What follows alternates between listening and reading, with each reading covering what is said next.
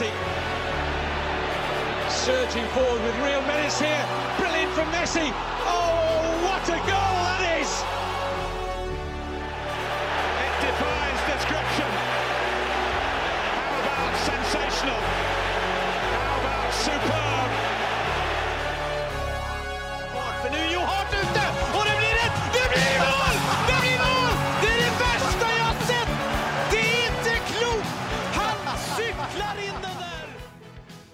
Ja! Velkommen til episode 169 av den eh, fantastiske fotballpodcasten 90 minutter. I studio sitter jeg her med Søren Døpker! God kveld. Og Mats. Ja, du har et energinivå som er, som er mye høyere enn enn resten der, i hvert fall. Mats eh, Graninho Granvoll. Eh, hei. Hallo! Nå, nå blir det gøy! Eh, Alt bra, gutter? Ja, jeg kan ikke klage. Nei? Det har vært uh, mye fotball som vanlig. Så. da- Og så er det høstferie, så det er lite trafikk. Åh, det er deilig. Det er deilig. jeg har tatt høstferie. Ja. Ja, rett og slett fri, jeg. Og det har vært så deilig, det. Ja, det er fint, det. Vært en tur opp på Rjukan og kosa meg, og bare, bare, bare hatt det fint, liksom. Deilig, da. Mm. Um, ja, Jeg, jeg, jeg, jeg har det fint. Jeg har, I dag har jeg endelig, endelig levert nøklene til den gamle leiligheten. Så Mm. nå er jeg ferdig med den. Er det vaska ut til slutt, da? ja, nå er det vaska ut til slutt. Det kom, eh, kom en ny person på mandag og vaska helt utmerket. Så det var, det var. Fikk du igjen pengene for den vasken? Ja, det, det var en sånn garanti, da. Så de, de kom en gang til og vaska gratis. Okay. Så det var fint. Det var, det var veldig bra jobba nå på mandag, så bli fornøyd og bli kvitt den. Og det er, det er fint, det. Det er fint å slippe å tenke på. Ja, så, som- og, og så hadde du innflytningsfest, eh, en fest verken jeg eller Mats kunne komme på. Ja, det var synd, men det ble en eh, veldig bra fest for det, da. Det var, ja. var veldig fint. Det var veldig hyggelig. Ja, men det er gøy. Det er gøy. Det er sånn det skal være. Eh, Er alle vennene dine som, som deg, liksom? Sånn ordentlig og punktlig og Når festen begynner sju, så er alle der inne liksom? Eller, De har stelt seg i kø. eller, eller er det sånne litt mer sånne rølpefolk der òg? Nei, jeg kan vel si at jeg, har- jeg har venner i alle forskjellige Eller som, i alle forskjellige væremåter. Alle forskjellige kategorier! Ja, jo, det, var jo, det var jo en fest da, da jeg var helt bevisste på at vi sier at vi, vi starta fra to, og så kommer og går folk litt som de sjøl føler for. Ja. Og det, det fungerte helt utmerket. Det var veldig, veldig hyggelig. Åpent hus hos Døpker. Det, det, det er flott. Ja. Mm, mm. Vet, du hva, vet du hva jeg finner ut i dag? At jeg blir et dårlig menneske i et trafikkork, altså i kø. ja, men det er ikke så rart. Nei, Altså, det, det er ikke rart i det hele Snakk tatt. om, å kaste Nei, men- snakk om å kaste bort tida si, liksom. Jo, jo, men altså, men altså, du har jo de som liksom blir lettere oppgitt, og de som blir oppgitt, men jeg, jeg har funnet en sånn det er, det er et eller annet over eh, al- al- Altså, det, det, det, jeg kan, det er vanskelig å sette ord på det, men jeg blir sånn skikkelig dårlig, dårlig, dårlig menneske, liksom. Altså, jeg sveiver opp ruta og roper. Såpass, ja. Altså, det er helt uh, meningsløst, egentlig. Mm. Jeg fatter ikke hvordan det er blitt sånn. Gammal. Kom, Jeg, jeg, jeg, blir sånn gubbe, du. Jeg som var så Nei, nei. Um, vi får jo besøk i studio neste uke. Mm. Geir eh, Halvor eh, kommer jo ned en tur. ja, det blir veldig hyggelig. Mhm. Eh, han har eh, forresten også starta det hele med et eh, spørsmål. Hva var det som gjorde at dere endte opp som fotballnerdene dere er i dag? Jeg, for eksempel, blei det gjennom karrierespillet på Fifa. Hva som gjorde at jeg ble fotballinteressert? Mm. Nei, det er vanskelig å sette fingeren på. Altså, det har jo alltid vært en kjærlighet der. Jeg husker jo Mutter og fatter fortalte at jeg Altså, jeg hadde en bane rett nedenfor der jeg bodde. Så allerede fra sånn tre-fireårsalderen satt jeg bare og så ned på den banen og så på de som spilte der. Ja. Eh, så den kjærligheten for fotball, den, den tror jeg ikke alltid har vært der. Eh, det merker jeg i hvert fall nå. Ja. Så mye tid som man bruker på dette her, så, så har det aldri gitt seg. Og ikke bli lei. Nei, det er egentlig helt sjukt. Så mange timer av livet mitt som du har kasta bort på fotball, liksom, og ikke være lei, det, det er ganske sjukt. Søren, hva med deg? Jeg hadde en litt lengre vei å gå, da. Eh, mine foreldre var ikke noe fotballinteressert i det hele tatt under oppveksten. Eh, jeg ble det gjennom venner. Uh, Wolfsburg rykket jo opp da jeg var seks år gammel, og ble da, i, mens Wolfsburg var i Bundesliga, mer og mer interessert gjennom venner, skolevenner. Og da jeg var ti, tok onkelen min meg for første gang med på stadion. Og så var det ingen vei tilbake. Da, da blir det mer og mer, mer og mer interesse, og flere og flere kamper. og Du blei forelska med et halv, halv, fullsatt Wolfsburg Arena, eller? Eh, eh, VFL-stadion am, am Elstavik het den på den tida. det var den gamle. Jeg trodde jeg gikk i fella der! Det, Det var den, det var den gamle plass til 20 000 mennesker. Jeg husker ikke hvor mange som var mot Freiburg. Det aner jeg ikke, men uh, i den kampen, nei. Men uh, nei, det, altså at, det, at det har blitt uh, så nerdete som det har blitt, det, jeg veit ikke helt hva som uh, utløste det, men det er jo, er jo en generell kjærlighet for spillet. Mm, mm. Ja, for meg så er det jo eh, jeg, jeg var jo det man på mange måter kan kalle en litt sånn der eh, ja, kall, kall det gjerne barnestjerne. Jeg skårte 10-12 mål i hver kamp jeg troppa opp på, omtrent, fra jeg var seks år og, og utover. Og dette utvikla seg videre til å Husker første var fotball-VM 1990. Det var det første, liksom, på en måte da og så, og så kom jo dette dataspillet British Manager Player også. Så jeg var kjørt da, og da var det Boeing-klubb og tekstvevet med clowns, og det Halvard Flatland og Haugen i bua kommenterte tippekamper. Jeg husker vi gutta. Vi hadde sånn der, Det var sånn målshow, hvor vi da trakk hver vår kamp. Og så kommenterte vi den, så vi drev og satt inne på gutterommet og satt og kommenterte. og sånn. Så det, det, det, der er langt tilbake. altså Jeg var så vidt uh, tørr bak øra, og ikke det engang. Så nei, den, den fotballen har stått ved meg hele tida. Ja, slitsomt, egentlig. André Solberg sier 'snakk gjerne om fantasy' i denne episoden. Ja, jeg har ikke fantasy-lag, så jeg holder meg unna den debatten her. Ja, det blir en dårlig debatt. Ja, og så har man jo Man har jo podcaster til dette, Solberg. Eh, Fantasyrådet, Wildcard Det, det, det, det finnes jo så mange av dem, men eh, mitt beste tips er egentlig å ikke la seg påvirke alle disse podcastene. Etter at jeg slutta å høre på disse fantasy-podcastene, så gjorde jeg det atskillig bedre. Såpass, ja. Ja, ja. Men det, handler om at det, altså de fleste fotballpodcaster, da, norske som utenlandske, de, de helgarderer veldig ofte. Ofte sitter en tre-fire stykker i studio, og alle har hver sine meninger om hvem du skal cappe og hvem du skal ha inn og sånt. ikke sant? Og så Din egen magefølelse, da, den blir liksom lurt av argumentene de sitter med. Og så, og så er det Det er jo ekstremt sikkert enkelt å drive en fantasy-podkast, fordi hvis du sitter en tre-fire karer rundt der, så er det jo alltid en som har rett. Åh, nei, nei. Eh, stol på magefølelsen. Jeg fikk tilsendt et bilde av en eh, kompis på mandag, var det vel? Eh, at over 7000 United-supportere hadde trippelkeppa Haaland før kampen mot United. ja, det var Det er lurt òg. nei, jeg fikk jo godt betalt for det. Alex Bjørkan, meg og to andre hadde tre forskjellige svar, så da vil jeg høre fra dere. Hvem starter, hvem benkes, og hvem selges av Mosiala, Foden og Pedri? Jeg skjønner at det var tre forskjellige svar der, altså. For den, eh, den er tøff, syns jeg. Den, eh, den er fryktelig tøff. Herregud, det er nesten som, eh, som man kan gå etter smak og behag. Mats gikk en sånn tanke... Ja, ja, for det der er litt sånn Sophie's choice. eh. Dårlig sammenligning. Men uh, altså, jeg er jo litt inhabil, jeg, da. Uh, som, uh, som følger Pedri inn og ut. Jeg vil for så vidt det med de to andre òg, men altså, det er Altså, Pedri er mer en, en klassisk indreløper. Musiala er litt mer en klassisk tier. Foden er litt mer all over. Jeg tror kanskje jeg hadde starta Foden, benka Pedri og solgt Musiala. Ja, jeg se, jeg hadde starta Mosiala, benka Peder og solgt Forden. Men det skyldes eh, akkurat, akkurat Og du hadde solgt Foden?! Ja, han er den eldste av de tre. Ja, men Det er derfor. Utelukkende derfor. i alle dager Jeg hadde Jeg blei aldri enig med meg. Nei, det, det, det er sykt vanskelig. Det, Men, men, men det jeg har notert bak dette spørsmålet, da, det er selge Peder i benke Foden og starte Musiala. Det Musiala gjør nå, det er egen, Ja, ja, Ja, det er egen idrett. Mm.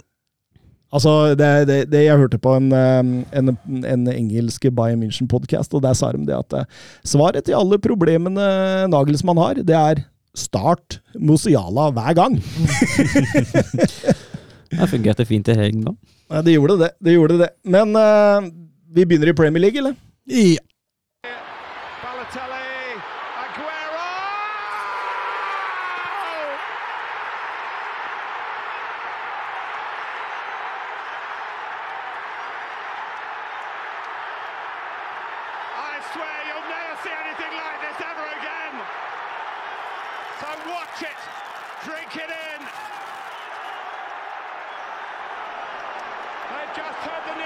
Ja, og i, i Premier League så kan vi jo begynne rett på det jeg har grua meg mest til å snakke om. North London Derby. Eh, Scenen er din, Mats Granvold. Jeg har ikke lyst til å prate. ja, det kan vi godt ha. Nei, det var et Arsenal-lag som gikk ut, i, gikk ut i 100. De hadde bestemt seg på forhånd på at dette, dette hadde de veldig lyst til. Eh, Det hadde nok Tottenham òg, men de fikk det ikke ut til å begynne med, i hvert fall. Eh, De, de kjører matchen fra starten av Arsenal her, og, og Tottenham kommer egentlig aldri i gang før det allerede står, eh, står 1-0. Og, for en skåring det blei av Thomas Party. Han, han breisier den opp i krysset fra, fra par og 20 meter der med en voldsom fart, og det Men, men, men, men er ikke det målet eh, Sier ikke det litt om hvordan kampen var? For vi var så voldsomt passive i presset der. Mm. Ja, det var litt det jeg sa. Tottenham var litt mer eh, tilbakeholdne. Eh, Altså Når du da bare skal én vending til, og så vinkelen inn i midten, så, og, og så får du så mye rom da, foran 16-meteren, så, så er jo ikke det bra. Og Det var litt sånn som Søren var inne på her i starten, at man, man sleit litt egentlig store deler av kampen, i hvert fall de periodene hvor Arsenal var best, med å dekke opp rom i midten, for der var Arsenal ofte én mann mer. Ja. Eh, og det, det sleit man med å håndtere. Ja, og jeg, jeg hadde jo forventet at, særlig med tanke på hvordan Arsenal spiller, med at uh, Sinchenko ofte trekker inn uh, sentralt, uh, med tanke på hvordan uh, Tottenhams forrige kamp var eh, mot Leicester i perioder.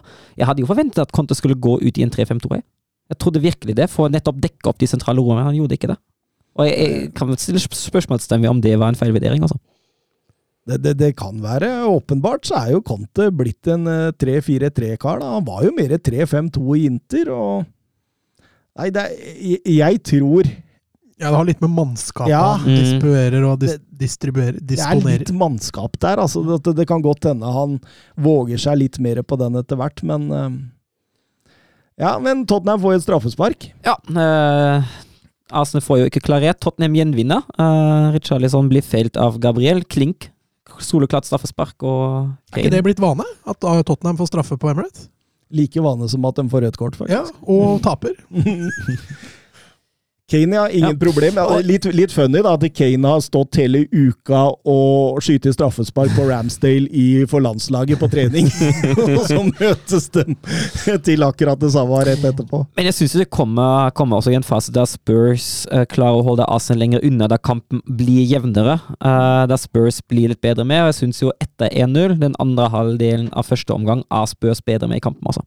Ja ja, helt klart. eh, Da kjører de og, og Jeg syns også Richarlison blir smalere Mm, ja, blir... i den perioden, og det hjelper midtbanen litt, for da, da blir det et rom mindre å dekke, og det eh, Ja, også- Det hjelper jo, for da kan de fortsatt holde Son som en kontringsspiller, og så blir Charlison litt mer defensiv. Ja, og særlig, særlig i det hjørnet der, for de, i det hjørnet ligger jo både Zinchenko, Sjaka og Martinelli ofte. mm. og, og jeg tror jo det var et trekk. Ja, ja, det, det var det jo, for det ble jo mer bevisst utover Mm. Jeg må gå til pause med 1-1, noe som i og for seg var helt greit i, i forhold til uh, spill og sjanser. Eh, Arsenal kommer ut i 100 i annen omgang og, Ja. og tar tidlig en 2-1-ledelse. Ja, og den uh, går vel uh, på Altså, det kan man nesten uh, Er akkreditere mer til Loris enn til Jesus, altså. Ja, Det er en fryktelig keepertabbe. er Altså, egentlig både den returen og at den, den som spretta fra Romero, det under ham eller mellom Mm. er var en kjemperar situasjon. Og ikke engang Gabriel Jesus han klarte å bomme derfra. Mm. Men fortsatt, det bølger litt fram og tilbake, og så er det jo etter 62 minutter det eh, røde kortet, og da kan vi jo ta et spørsmål fra Petter Støvland på Twitter. Strengt rødt kort i Emerson Royal? Spørsmålstegn. Det er jo nøyaktig det samme Lokonga hadde på Bruno for noen uker siden. Eh, Den ble ikke sett på engang. Eller van Dijk mot Onana, som er mye, mye verre. Hvor ligger linja her? Ja, jeg, jeg brukte litt tid til å bli enig med meg sjøl om det der, Uh, men med tanke på lista som blir lagt i kampen, syns jeg det er strengt.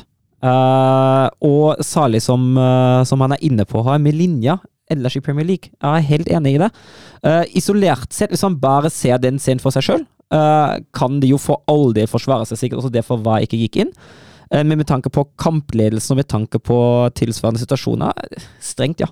Ja, jeg mener det er altfor strengt, og så mener jeg det er greit at VAR ikke bryter inn. Men det taper jo selvfølgelig Tottenham veldig, veldig på. For det det som gjør jo det, og det, det, jeg syns det er så rart at han at han vurderer det der, for det er jo ikke spesielt med kraft, og det er ikke spesielt hardt. og man kommer jo ikke inn med en klar intensjon her. Det er jo mer det å prøve men det er litt sånn forsvare handlingene dine da, når du stempler en. Altså, intensjon, det skal jo veldig spesielle ting til for at det føler blir et argument. Men jeg er jo helt enig med deg. Jeg syns det er fryktelig strengt, egentlig. Dette var Tottenhams femte røde kort på Emirates allerede. Det er ingen bortearena de har hatt flere røde kort på i Premier League-historien. Og det er litt spesielt, siden man veit at Emirates sto ferdigstilt i 2006. Ja, og litt spesielt òg, for fikk ikke Tottenham seks røde kort mot Chelsea for et par år siden på Stamford Bridge der? de burde hatt, Mats. De burde hatt. Sånn var det bare. Men, men, men da gjør Conte noe. altså eh, Vi har snakka om det med 3-5-2, vi har snakka om å putte Rikarlisson mer sentralt i banen og det der, men da syns jeg altså Det virker som Conte gir opp etter Ja. 3-1. Ja, han gjør det. Altså, han går jo, han går jo, Etter, etter treen, altså. han går jo Ja, men det som skjer rett etter utvisninga òg, mener jeg er Ja, men Der får han jo ikke bytta inn. Nei, og det er mulig det går for sakte, men den justeringa som gjøres der For det er åpenbart at Charlesson skal spille midlertidig wingback. Mm. Eh, men, men han forsvinner jo umiddelbart fra sin posisjon Mm. med en gang, og det gjør han hver gang Tottenham vinner ball. Og det, det er rommet Arsenal scorer på. Ja. Med en gang Richarlison er borte, og han tar jo ikke returløpet av 100 Så, heller. Så, så, så egentlig da, så er det en forferdelig periode for Tottenham her, fordi de får eh, 2-1 på en keepertabbe, og så kommer et strengt rødt kort, Mm. og så kommer 3-1 som følge av det røde kortet. Ja, altså, ja men, men det er jo her jeg mener at han, han burde kanskje sett litt på, på mannskapet sitt da, i forhold til hvem som skulle bekledd hvilken rolle her. Jeg skjønner at Richarlison og sånn er ikke de ideelle wingback, wingbackene, liksom. Det, det, skjønner, det- skjønner alle, men hele den høyresida blir jo brått blottlagt fordi Richarlison ikke kan posisjonen sin. Mm. Ja, og det, det, altså, det tror jeg det, altså, det, er, jo- det er jo faktisk Skåringa kommer jo å være tre-fire minutter Mm. etter det røde kortet. Så det er ikke sånn at han ikke har tid til å agere heller. Ja, men det sto veldig lenge på, på sidelinja der også. Eh, Ja. Så jeg mener jo her at så fort det røde kortet kommer, så Ja. må Conte altså, Det kan jo hende folk ikke var klare, og at eh, jeg, jeg Ja, men det- kjenner godt til altså, det at spillere Spark ballen ut, spark ballen ut. ja, bare vær men, kynisk. men 62 minutter inn i kampen, da skal jo en innbytter være altså, det, var, det skal Ja, være klart, da. Det er jeg enig i, men jeg har erfart sjøl også at spillere er jo ikke klare i det minuttet du trenger dem alltid. Nei, det, det, altså, særlig på det nivået bør det jo være det, herregud. Men ja. Folk ja men, kommer jo gjerne ut og mangler leggskinn og drakter og hut og hei, og ting må på plass, og lisser må knyttes, og, det tar tid, da. ja, jeg, jeg, jeg er jo, helt, men jeg er også helt enig. Altså, han gir jo opp etter 3-1. Ja, Da, da, da, da bytter han såpass defensivt at det er sånn, ok, nå, nå skal du safe inn 3-1. Og så, og så hørte jeg Conte snakke om eh, Manchester United sine seks imot, og da sa eh, da sa Conte det at det har aldri skjedd med meg. Så det er åpenbart at han legger noe med dette her. Altså Ja, men, det, altså, han- her skulle man ikke tape 4-1 og 5-1. Det, det er noe med den italienske tenkemåten, tror jeg. Mm. At, uh, at baklengsmål de skal unngås. Ja, altså plutselig var jo Kane var jo helt aleine. Altså Ja. var Bentancour som forsvant ut av leddet innimellom for å prøve å ja, bistå. nå, altså, men når du tar ut uh, sånn Perisic og Rikalison, da Ja, det, det sier Det- jo seg altså, sjøl. Det ja. sier jo seg sjøl. Eh, Vi tenker Frankfurt i midtuka, eh, Ja. snakker han da. Og det, det er jo altså, Men hadde det vært en, en Premier League-kamp mot et hvilket som helst annet lag i den stillinga, hadde, den på en hadde på en måte vært greit. Men mot Arsenal i derbyet med 20 minutter igjen altså det, Ja, jeg var litt irritert. det skjønner jeg godt. Det skjønner jeg veldig godt. To dare is to do. Ja, det, det er jo noe med det. Det er det. Eh, Tor Christian Stensrud, eh, var det ikke hyggelig at Tottenham eh, lar Arsenal vinne på hjemmebane, slik at Arsenal-fansen får glede seg over noe i høstmørket, før de går på trynet og havner bak Tottenham igjen? Og hvor mange poeng tror dere City vinner ligaen med til slutt? Ja, i så fall var det jo veldig snilt, da. Av Tottenham. Det Altså. er hyggelig gjort. Det var veldig Kan ikke kalle det fair play, men sånn godt naboskap, da. Ja, det er gode naboer, vet du. Mm, De elsker hverandre, det Og så var hvor mange poeng City vinner med til slutt? Tolv. Oh, Tolv. Nei, Arsenal blir tøff i år, altså. Nei! Nå må du gi deg. Jo, Nå du, er, det, nå, nå, er det, nå er det ned på jorda mot Liverpool i neste. Og så Har du sett Liverpool, eller? Det er bare å angripe på høyresida til Liverpool, så blir det jo mål, blir det jo mål hver gang. Nei, nei, nei, nei, jeg vinner ikke med så mye. Den vinner med åtte poeng. Da legger jeg meg midt imellom og sier ti, ti poeng. Um, ja, eh, Tottenham som forresten spilte 0-0 mot Frankfurt i går. Eh, I en kamp som eh, Ja, Tottenham var best og, og, og, og eh, sløste usedvanlig mye med sjansene der. Men, men Ja, men med maks uflaks kunne de tapt òg. Conte klarer ikke å vinne noen Champions League-kamper. Jeg så den statistikken hans i Champions League. Den var nesten litt skremmende, altså. Det lengste han har kommet gjennom alle år, er kvartfinalen med Juventus. Ja, og han, han, har ikke, han har ikke trent smålag, altså. Nei, nei, nei. nei det er merkelig. Spennende å se. Eh, Arsen Wenger var ute nå og sa Altså, han meldte Arsenal som nærmeste utfordrer til City denne sesongen. Ja, det var det akkurat jeg gjorde nå, det. Ja, men er det ikke, er det ikke litt tidlig å trekke sånne Nei, konklusjoner? jeg, jeg sa jo Hva var det for to uker siden? Sa jeg vel at hvis de slår både Spurs og Liverpool, så kan man begynne å snakke om at de kanskje kan være en utfordrer. Og så er det tap mot Liverpool neste helg, jo en skade på Party, og så ser alt plutselig mye trengere ut. Men ja, jeg, jeg, er jo, jeg er jo enig i at det er jo Man må man får og se hvordan det går med Liverpool, da. Men nå kommer jo på en måte de første Det var jo på en måte en av de første to uh, virkelige er tre da, med United-testene. og de har jo i hvert fall ikke gjort seg bort heller ikke mot United. Nei da, nei da. Absolutt ikke. Men uh, noe seriegull, det blir det i hvert fall. ikke. Nei, det er jeg enig i at det ikke blir. Jeg meldte akkurat City vinner med åtte poeng, da, så Ja. jeg er vel ganske enig i at Ja. de ikke vinner seriegull. Men du tror Arsenal på andre, da? Ja, jeg heller litt mot det nå, ja. Altså, Sett åssen Liverpool ser ut i innledninga her, så er ikke det skremmende, liksom. Det snakkes 1. januar, vi. Eh, Crystal Palace mot eh, Chelsea. Eh, vanskelig bortekamp for Potter i sin Premier League-debut. Altså, borte mot Palace er jo egentlig alltid tøft, uansett hvor Palace er på tabellen, men eh, ja, hva, Ja, det, det blir jo også tøft. Eh, Pelles tar jo en uh, tidlig ledelse, og det er jo det er litt den høyresida som Chelsea slet litt med i starten. da. Uh, Pelles uh, vender ofte ut dit, Mm. eh, mot Ayu. Uh, og det er jo Ayu som slår innlegget òg, og den, den fikk de ikke helt grep på i begynnelsen. der. Det er litt sånn, da. Når du har hatt ballen i 6,5 minutter, og så scorer motstanderen. Det- den er tøff, den. Eh, Men, men her ligger jo mye av oppskriften til Vieira også. De skal jo overlate mye ball, og så skal man ligge organisert og, og, og kjøre overganger. og det, det var forresten veldig kult å se Saha, Olise og Eze Mm. på samme elver. Det var gøy. Det er mye fotball som ligger der. Ja, mye entertainment òg. Mm, absolutt. Og, og, og Potter kjørte en 4-3-3. Ja, ja. Kan det ja stemme? jeg, eller? jeg, jeg syns det. Jeg syns det så sånn eh, Eller ja, 4-3-3-4-2-2-2-ish. Ja, det er altså, det, det sånn, ja. 4-2-2-2, Ja, ja. at det, det kanskje var, altså varierte litt Ja. der, ja. Mm. ja. Jeg fikk aldri helt taket på den, men, eh, men eh, Og, og, og eh, jeg, jeg tenkte jo her at her skal jeg finne ut hvem som er Potters nummer ni, siden vi har snakka så mye om det. Men det fikk jeg liksom aldri helt klart svar på. Nei, det var jo Det var vel Aubameyang og Stirling som var de fremste ja. våpna, men, uh... Men Havertz rusla litt opp der òg. Ja, og Havertz var jo Altså Havertz bevegde seg jo veldig mye. Han, eh, han, han var jo så mye å finne på høyresida og fant Dromedai. Mm. Så han, eh, han var jo ganske bevegelig, og som, han- som han pleier å være. Eh, men eh, viktig scoring for Chelsea rett før pause der. Eh. Ja, og, men bør eh, assistgiveren være på banen? Ja, du tenker på den Hensen. Ja, for jeg mener jo at han tar, han tar jo for en eh, Han, han hindrer jo at eh, motspillet er alene gjennom. Det var vel Saha, var det ikke? Mm. Mm, ja, den er veldig diskutabel. Den er det. Jeg, tror han blir redda av at det ser ut som Ajø kanskje kan få frispark på seg der i forkant. Men det skal jo egentlig ikke har Nei, så nei, mye å si. nei, nei, nei. I den, akkurat den, og jeg synes jo det var rart at den, altså Det er jo greit at VAR sjekker, men jeg syns det er rart at VAR ikke ble dommeren ut på skjerm. Ja, men for, for, for det er det jeg tenker, at det, hvis de ikke tenker at eh, det kunne vært et frispark, så er det jo soleklart rødt kort. mm. Så det er Ja. jeg, jeg, jeg sliter litt med den, men um, ja. Ja, ja, nei, det, det, det, det er nok en sånn tvilstilfelle som det er ganske mange av. Så det, noen ganger så kan man lure på hva vi har fått av VAR. Men um, Aubameyang setter 1-1 der, og da, og da går man til pause med 1-1. Så blir det en jævla knokkelkamp i annen omgang, altså. Ja, det blir det. Det skjer ikke voldsomt mye foran målene heller. Nei, og det, det, det, er dueller og taklinger og trøkker, og folk ligger i øst og vest. og nei, eh, Palace som starta uten, eh, uten Andersen bak der også, den fikk jo både Klein og Guhe- Guhei. Han måtte jo teipes herfra til Ålesund. Så det er åpenbart at de sang litt på siste verset der baki der, og, og det er vel kanskje det også som gjør at eh, Chelsea stikker av med rett til slutt. Ja, det måtte jo, måtte jo vente lenge for den siste goalen, og så var det vel Lå vel litt i korta. Gallagher som skulle skåre sitt livsmål bort på Sellers Park der, så ja.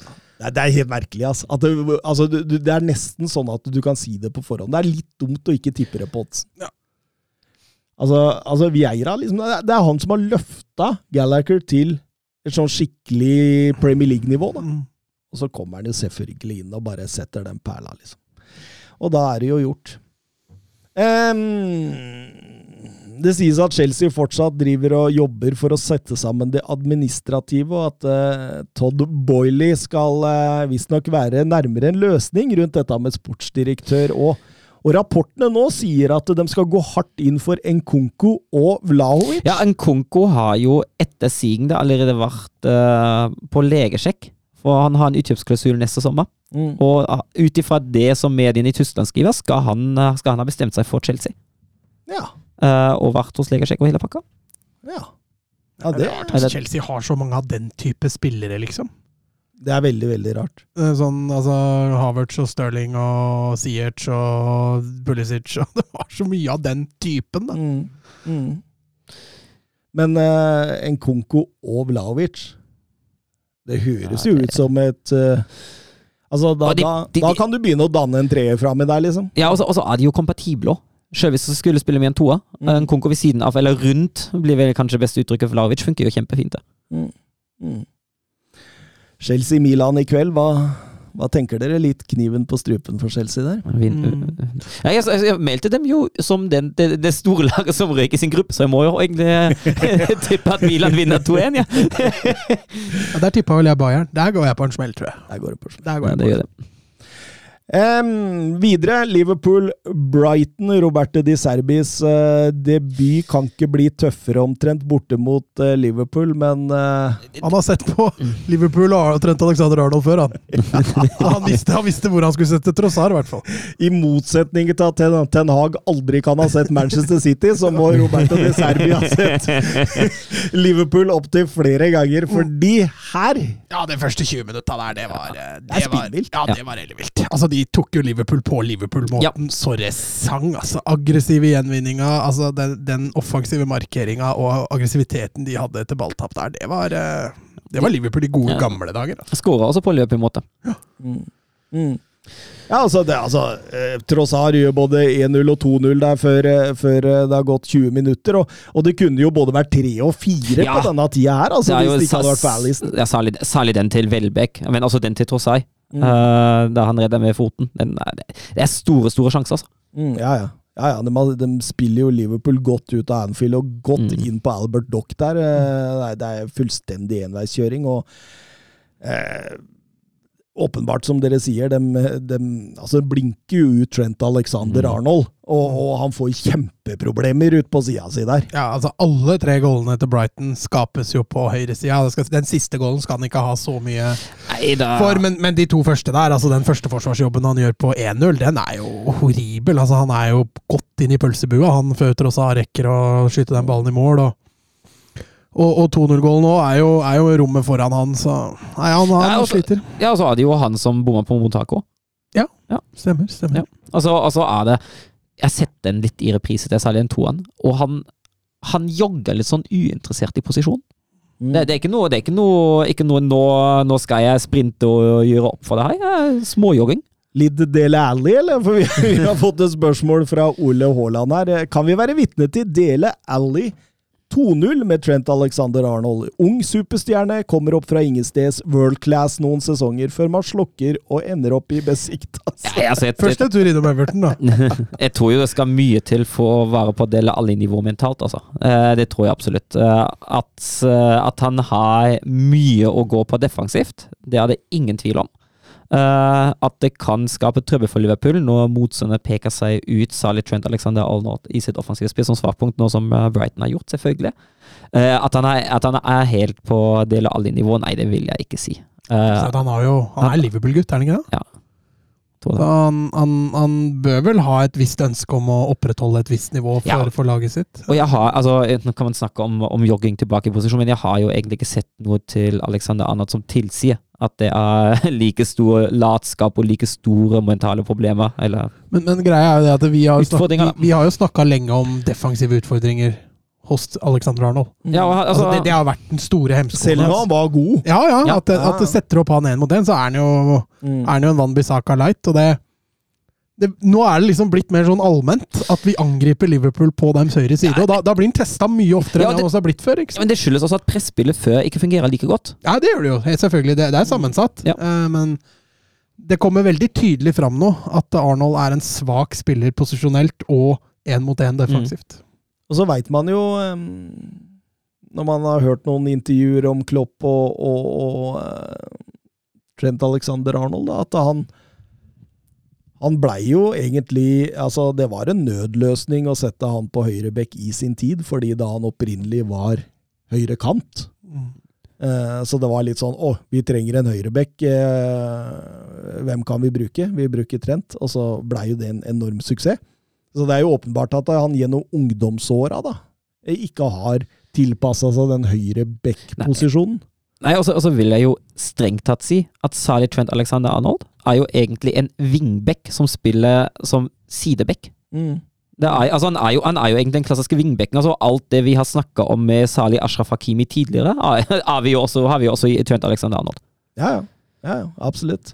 Og så tror jeg med Del Alli da, så handla det jo mye om trening og profesjonalitet, og jeg har ikke hørt at Trent Alexander Arnold har disse problemene, så å, det skal mye til for at han ender opp i Besiktas, men, men et artig spørsmål, det, det syns jeg. Mm. Men Firmino, Mats, han, holder fortsatt koken. Han, han, har- han har tatt dette med konkurranse nå. Ja, ja, ja. Det er ingen tvil om den kampen her. Når Liverpool først våkner, så er det jo Firmino som, som ofte er igangsetter av angrep. Og når han da i tillegg kommer ned sist Han, burde vel, ja, den, han har jo en scoring til som blir annullert òg, så han han er absolutt påskrudd, eh, påskrudd nå, Firmino, og den ene goalen hvor han venter ut og setter den, er nydelig.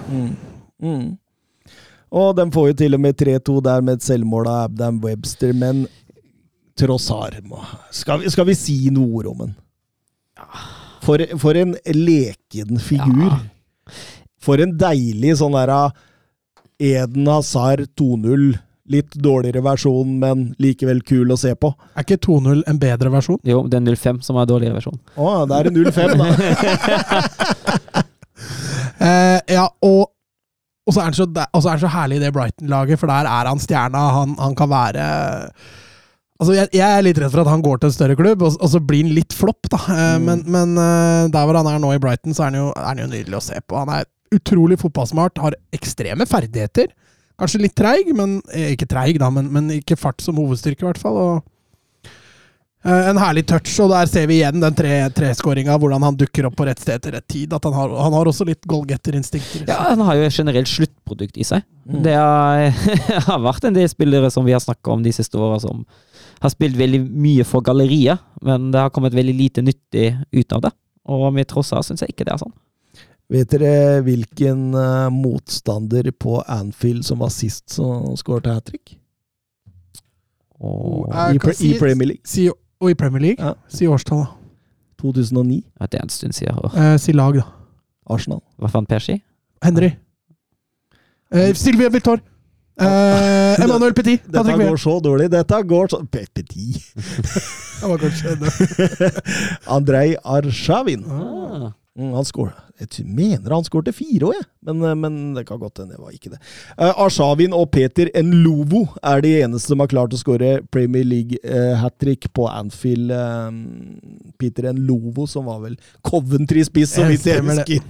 For ganske Sammen med mange Dion, år siden. Dion Dublin. ja. Um, ja, nei eh, Riktignok etter 3-3 et lite Liverpool-trykk på slutten der, men, men Brighton tar eh, et fortjent poeng med seg her. Ja, det syns jeg absolutt. Ja, frisparket tar noll der, da. Mm. Det er, eh, det er jo hans styrke. Han hadde et frispark i går òg, Mm. mot Rangers. Stemmer. Det var også vanvittig latterlig deilig i 2-0-seieren mot Rangers. Der det, um, Oskar Caveio Holm, tror dere Klopp kommer til å bruke 4-2-3-1 oftere som han gjorde mot Rangers? Hvis han skal ha plass til både Firmino og Núñez, så, så er nok det en formasjon han må praktisere i så fall. Ja, i går så brukte han jo ikke Firmino. Han bruker Nunes, uh, Sala, Diaz og Yota. Ja, det, det går jo an. Altså, han har jo så mye utvalg eh, offensivt, og særlig Diaz kan jo fint spille sentralt han nå, med tanke på ferdighetene han har. Mm. Så det er jo, som Mats sier, en mulighet til å få plass til flere offensive stjerner. Han mister litt eh, trygghet defensivt ved å gjøre det. Ja. I hvert fall, altså Rangers går det jo sikkert fint med, men uh, Ja, da, da satt han jo Fabinho til og med på, på benk. Ja, ikke sant. Så, så du, men du mister litt balanse ved det. Du ser de gangene Klopp også Nødløsningen hans ofte er jo 4-2-4, Mm. og den balansen blir jo borte. Men, men du får et voldsomt trykk, da. Og det er jo nesten 4-2-4, dette her. Ja, det er jo det. Fordi det er, jo, det er jo fire offensive skaller ute på banen der som tenker mer offensivt enn defensivt. Så det, dette det- For for å si det sånn, altså, så blir jo 4-2-3 nesten 4-2-4, som igjen gjør at dette kommer han kanskje til å gjøre mot, eh, mot lag hvor man virkelig skal kjøre over. Og så kommer han ikke til å tørre dette her når han møter de større. Nei, nå mot Arsenal neste, så blir det vel ratt sekser bak, tenker jeg. Ja, han var ekstra sikring for Trent. Kjører to To høyrebekker. Kjøper to venstrebekker og bruker begge på høyrebekk.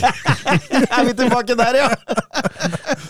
Eh, eh, Manchester United eh, de, de var på tur til Etiad Etihad for å, for å gjennomføre et Manchester Derby som jeg ble nærmest sjokkert. Ja, du tenker på eh, inngangen til Tinar? Ja. Ja. den var jo spesiell. Han Altså, kjørte mannsmarkering på midten, var det du mente? nå, nå, ja, Ja, nå, og høyt press uten, uh, uten aggressivitet. ja, altså nå Ja, man, det å kjøre høyt press uten aggressivitet var nok ikke planen. Gutter, i dag står vi høyt, vi skal ikke være aggressive. Ja, men Ja, men det altså- så jo nesten sånn ut. Men det, det, du har jo, altså det er jo to problemer som går over hverandre. ikke sant da? Når du prøver å stå høyt, men så mannsmarkerer du såpass tett på midten, og så blir Bernardo Silva og De Bruyne såpass høye at de holder McTomney og Eriksen såpass lave. Mm. Da mangler du, da mangler du fullstendig presspillet sentralt. Og da, da, blir jo, da blir jo det skandale. Og det å, det å kjøre ut mannsmarkert midtbane mot Manchester City det laget som kanskje er best i, i å rive i fillebiter sånne mannsmarkeringer. Altså, jeg skjønner ikke hvordan han kom på det. Steffen Hansen skriver på Twitter. Tidenes mest naive taktikk borte mot Manchester City. Er han et taktisk geni eller en taktisk idiot? Jeg vil ikke, ikke idioterklare ham, da, men I denne kampen så er ja, han i denne, idiot. kampen, I denne kampen, ja. Ja, ja. Han er fullstendig Altså, du altså, det, er, det er som å rett og slett brette ned bokseren og bøye seg fram, altså. Sånn som med, Guardiola bak. Jeg, jeg veit ikke hva, han, hva som var meninga der. å ta ut Bruno Silva. Eller, altså, herregud. Du åpner jo opp så enorme rom. Ja. Og, Altså, altså, han inviterte jo til og med Haaland, fikk Ja. jo danseplass uh, defensivt der. Uh, Nei, uh, det vanskelig å forstå. Jeg skjønner jo at han ikke vil stå mann-mann med Haaland bak der, men da ikke ha én spiller til å dekke rommet sentralt, det, det, er, det, det er risikofylt. altså, det hadde jo vært en, et mye bedre alternativ for å heller kjøre en uh, Solskjær, legge forsvarslinja forholdsvis lavt og dekke opp det sentrale rommet. Og alternativt kjøre ut med, med vingbekker ute, da. Du så jo at bakre fireren var jo livredd for Haaland sin fart også, Mm. i tillegg. Ja. Så at altså, det- blei jo et sånn merkelig strekk i laget, hvor, hvor midtbanespillere fulgte midtbanespillere. Eh, stoppere holdt litt igjen fordi de var redde for bakrom, og, og de fremme på topp pressa knapt nok fordi de ikke fikk med seg resten av laget opp. Mm. Så det, det, det var jo en Altså, eh, det, altså Sånne hybridløsninger ja, aldri, aldri nei. De kjørte jo over dem. Ja. Fullstendig. Altså, det var jo altså, jeg, jeg knapt nok husker at at Altså- har blitt pulverisert så heftig som den blei i første omgang. Ja, den første omgangen var, den var stygg for United. Altså, du så United-fansen gikk jo Ja, det er helt sykt. tidlig. Altså, det sto nesten ikke igjen folk der. Eh, når det var City gikk opp i 4-0 der, og da kunne City ha leda 7-0 på det tidspunktet der. Og jeg tror United skal være glad for at City tok det litt med ro i andre omgang. For det, det resultatet Ja, men da, da, da ga de seg altså litt med det der voldsomme Jo, jo. mann-spillet sitt, så Men- de fikk jo mer kontroll. United vant faktisk andre omgang. Jo, men det, det, det tror jeg ikke de hadde gjort hvis, eh, hvis City ikke hadde senka seg Nei, betraktelig. betraktelig, altså. United skårer tre mål fordi Manchester City lar dem gjøre det. Ikke fordi Manchester United var kjempegode. Altså Hadde City vært på 100% gjennom hele denne Ja. kampen, her, så hadde det vært 7-8-9-0. Altså, så stor forskjell var det på lagene her. Fin skåring, Anthony. da. Det er veldig fin. Veldig fin. Det skal han ha. Og, og at Martial kommer inn og setter to er sikkert veldig gøy for han, men det, det, altså, det var nesten sjokkerende. Mm. Nesten sjokkerende. Ja, det var, det var fryktelig naivt. Eh, kan ikke ha vært bra for en United-supporter. Altså, er det litt typisk, da. Får du Manager of the Month uh, Har liksom snudd skuta, og så, og så går du på den blemma, liksom. Det er jo den store altså, det, det, det er jo hviler jo en forbannelse over den Manager of the Month. Enten så får de fyken, eller så taper de heftig i kampen etter. Mm. Det er, det er Eh, Anders Hansen, gidder vi mer Haaland-prat nå? Ja, men altså, det var jo altså, nå, nå er det jo fått Altså, det er den beste kampen han noensinne har spilt, tenker jeg. Altså, Ut ifra prestasjon, uh, ut ifra det han leverer ut på banen, da, er jo det top notch så langt i karrieren. Det er en helt enorm kamp han leverer der. Ender opp med tre mål og to assist, så jeg syns jo akkurat nå er jo faktisk all Haaland-skryt faktisk fortjent. Altså, for en mann. For en spiller. For en syk, syk, syk prestasjon. Ja, altså, ak ak akkurat nå, per dags dato, hvis vi bare ser akkurat nå, er han verdens beste spiss. Ja, utvilsomt. Utvilsomt. Altså, hat trick for tredje gang på åtte kamper. Altså tre strake hjemmekamper. Han legger til to assist i tillegg her, i et Manchester-derby. Altså, eh, i sitt første Manchester-derby ødelegger han jo alle rekorder. Mm. Eh, altså, eh, det, det, det, altså, det er helt vilt. Det er ingen i Premier League-historien som har tatt flere målpoeng eh, i et Manchester-derby enn det han har gjort nå. Eh, Francis Lee på 1970-tallet er siste Manchester City-spiller med et hat trick mot Manchester United. Altså, det er første i Premier League-historien med tre strake hat trick på hjemmebane. Altså, han er ni mål unna antallet Sala og Son vant toppskårertittelen med forrige sesong! Ni mål! Husker dere den uh, diskusjonen vi hadde off camera, en, eller off mikrofon en gang? Off. Uh, da vi hadde skutt off mikrofon, vi diskuterte lenge om kvaliteten til lagene bak de store i Bundesliga og Premier League. Ja. Husker dere at dere var helt uenige at Haaland kommer til å bøtte inn mål i Premier League også? Mm, Ja, vi men vi, vi har vel på tape at vi, at vi sier han kommer til å bøtte inn mange ganger etter Ja, ja. at overgangen ble klart. Ja, sa vi ikke det? Jo, At men, det er, hvis han holder seg skadefri, så blir det mange mål? jo, jo. Ja. Ja, jo, jo. men det var, det var mest omtalende Du sammenligninger. må ha det på tape, Søren. Du nytter ikke å komme med sånne duste påstander som vi ikke har sagt på tape.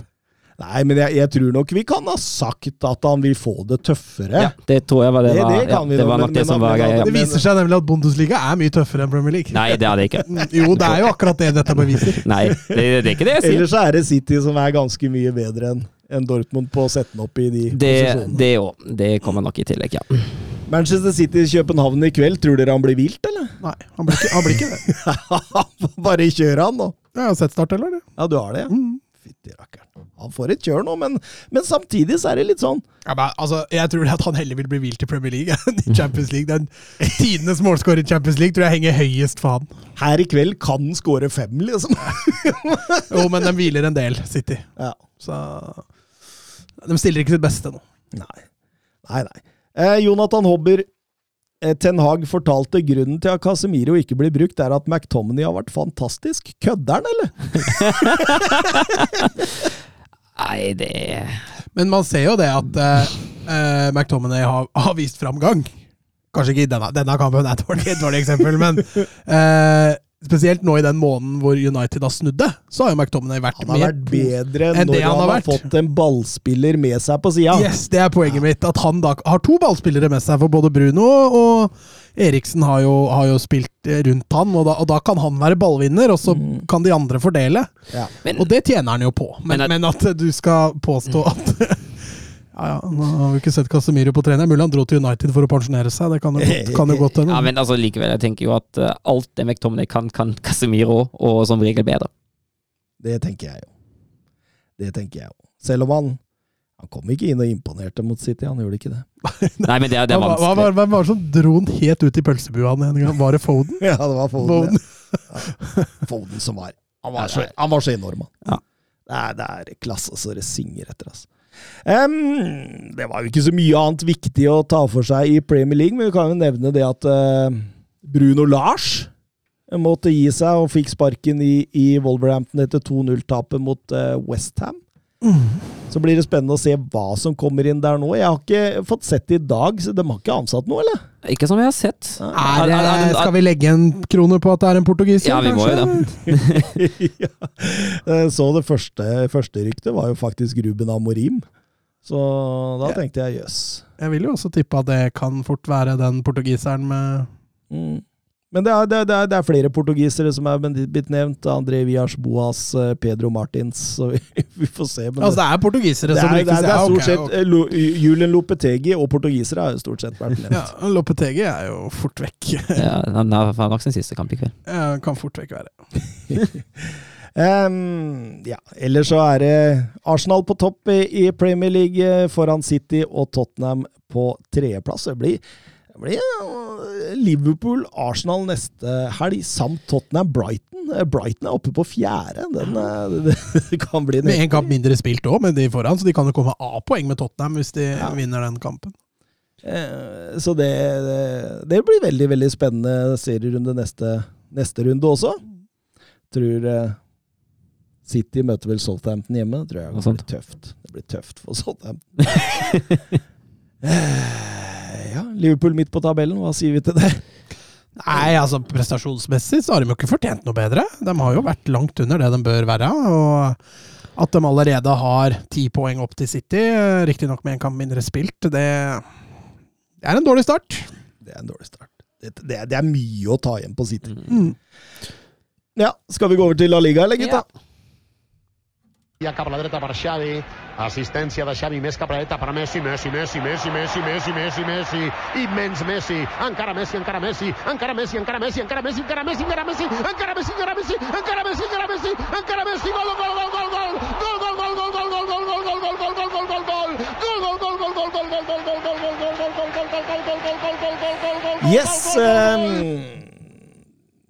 ja, det, det var et storoppgjør der òg, Mats. Eller i hvert fall eh, normalt sett et storoppgjør. Ikke ifølge tabellen, ja. Nei. Nei, et Sevilla-lag i voldsomt fall. Eh, sliter jo på alle fronter for tida. Skulle ta imot et Atletico som også har starta litt slurvete, men eh, i hvert fall ser langt sterkere ut både spillmessig og på tabellen. og det blei nok en skuffelse det for, eh, for dette Sevilla-laget, som eh, rett og slett ikke ser bunnen av det de driver med nå. Nei, altså, det der, det der var skremmende greier, syns jeg. Jeg synes det, altså, det er så frykt... Altså, det er Atletico, det er ikke et offensivt Kjempegodt lag, da. Nei, du tar ikke i nå. Nei. Eh, altså Ta ett år tilbake, da. Eh, hvor de da stiller med Navas på høyrebekk. De har Condé og Carlos på stopperne, og så har de Makonia på venstrebekk. Den kampen her så har de Carmona, Kwasi, Sala, Salas og Rekik. Ja. Altså, det er så himmel og hav forskjell av kvalitet, erfaring. Altså, Det er så enorm forskjell at Sevilla sliter defensivt med å sette et godt grunnspill når, når de har gjort så store forandringer defensivt. Det skjønner jeg veldig godt. Eh, men at dette nå sitter her som et problem, at Condé og Carlos kom til å forsvinne den sommeren her, det kan ikke ha vært overraskende for dem. Og det er uh, Nei, altså sitte her bare og peke på Lopetegi på at han ikke får dette til å gli og sånn, det føler jeg blir helt feil. Ja, altså, det, altså ha, Vi har jo snakka om dette før. Monshi, han på, har han vært på jobb? Ja, ja, altså Han har i hvert fall ikke fått dette til å funke. Nå er det klart det at uh... Det, det blir jo litt feil, føler jeg, Altså, ta bort Altså, grunnpilaren, altså fjellet i, i Sevilla, har jo vært den defensive strukturen og organiseringa. soliditeten defensivt, ja, ikke sant? Og, og så, som sportsdirektør, da, åpenbart så er jo Monshi som har ansvaret for innkjøp og salg. Mm. Så tar du bort Du bare renser hele greiene. Eh, til og med Augustinsson forsvant jo. Mm. Og, så, og nå skal man sitte og sparke Lopetegi. Det, det, det, det føles rett og slett Altså, jeg, jeg kan godt være den første jeg som sier det at eh, Lopetegi er en manager jeg kan gjespe litt av. Mm. At han ikke har verdens kuleste fotball å spille og alt mulig sånn. Men fyren er jo en dyktig eh, altså, han, han er jo ekstremt taktisk dyktig. Mm. Eh, han er jo en slags eh, Diego Simione. Ja, men han er også en god Han var i hvert fall en god kampleder, men det er klart, nå har han mange færre alternativer enn det han har hatt tidligere. Så det er, det er liksom ikke bare å røre litt i gryta, og så skal det plutselig funke igjen. For de rører litt i gryta der, så ender du opp på juniorlaget til slutt, og det Uh, Det går ikke, så Nei, dette, dette det, det er fryktelig synd med, med Sevilla nå. Det jeg syns, det er, jeg syns nesten det er litt trist, for det, dette her er nesten sånn Dette er litt sånn nedrykksfaktor over det de driver med nå. altså. Altså, det er den verste starten de har hatt i La Liga siden 96-97-sesongen. Den sesongen rykka de faktisk ned. Mm. Så det, det, det sier det meste, altså. Ja. Men, men, men jeg, jeg ser jo liksom ikke hvor skal han hente noe for å gjøre dette særlig bedre. Fordi jeg synes det offensive også at det, det, er, det er jo spillere her som spiller for seg sjøl. Lamela, Isco, Ja, men- Torres, eh, Papu Gomez. Alle spiller jo for Ja, men men Det sjøl. offensive har jo Lopetegui aldri vært noe særlig god på. Nei, nei, men ikke sant, men når du blander dette da med det som driver på baki der nå altså, altså Diego Simione, han, han fikk jo tre poeng. Ja, Ja, altså, altså fullt fortjent. Altså, Atletico spilte jo en grei kamp, men det var ikke, de fikk jo ikke noe særlig motstand her. Og Nei. det er jo et Sevilla-lag som, som åpenbart nå har, er helt blotta for selvtillit. Eh, og han famler jo, for han er jo ikke i nærheten av å stille to like elvere i to kamper på rad. Altså Etter at det går opp til 1-0, kan du egentlig blåse av den kampen. der. Mm. Det føles som om det er ferdig. Det føles sånn. Ja, og det, altså, han har jo tre klink like spisser også, ikke sant? Mm. Rafa Mir, Dolberg og, og Nesiri. Og så spiller du med én spiss. Ja. Altså, jeg, her er innkjøps, innkjøpssommeren den her for Sevilla gikk rett i dass. Vi gir Monchi stryk! Ja, det gjør vi. Altså, henter dem tell, Tell- Telles på lån.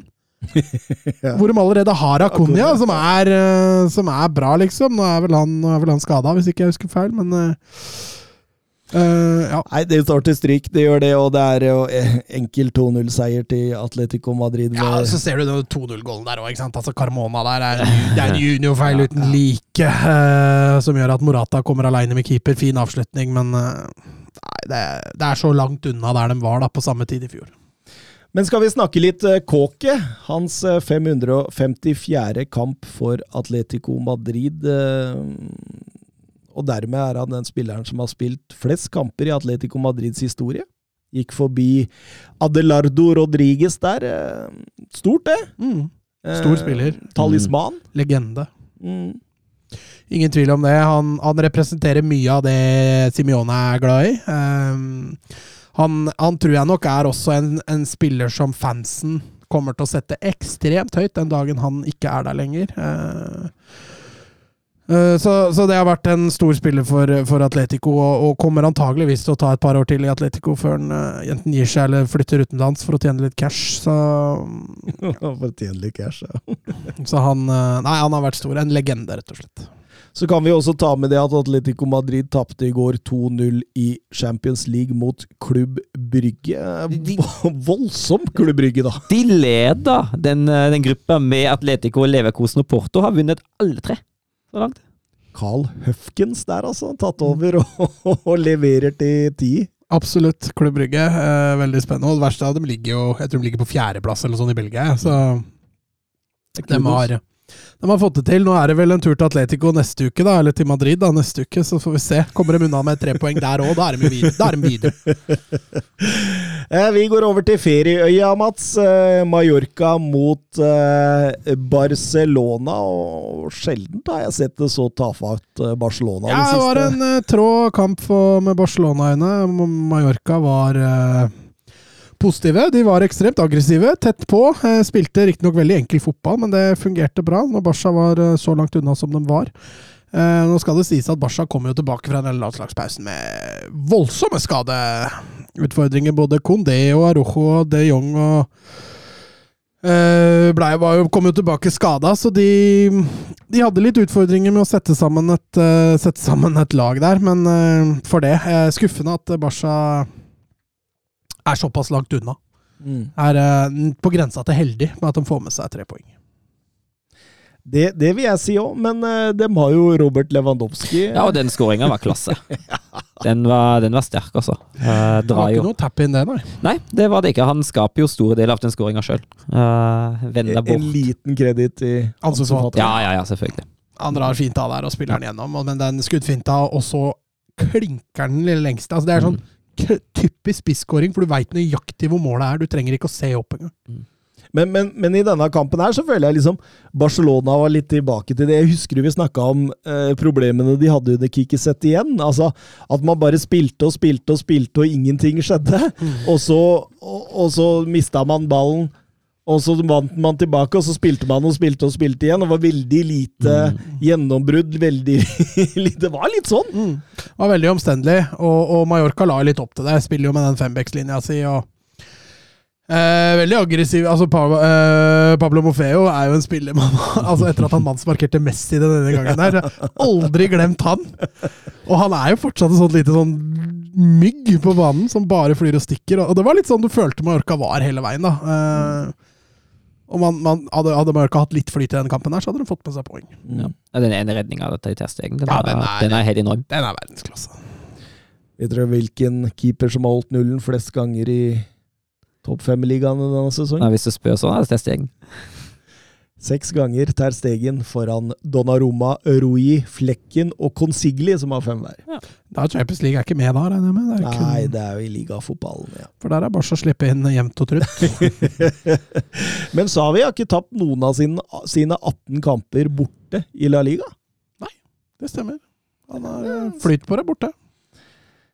Sleit borte i Champions League i går, riktignok. Det gjorde de. Sleit borte mot Bayern sist òg, så de eh, De kan, kan, kan bli Europaliga i år Det òg. kan fort hende, det. altså.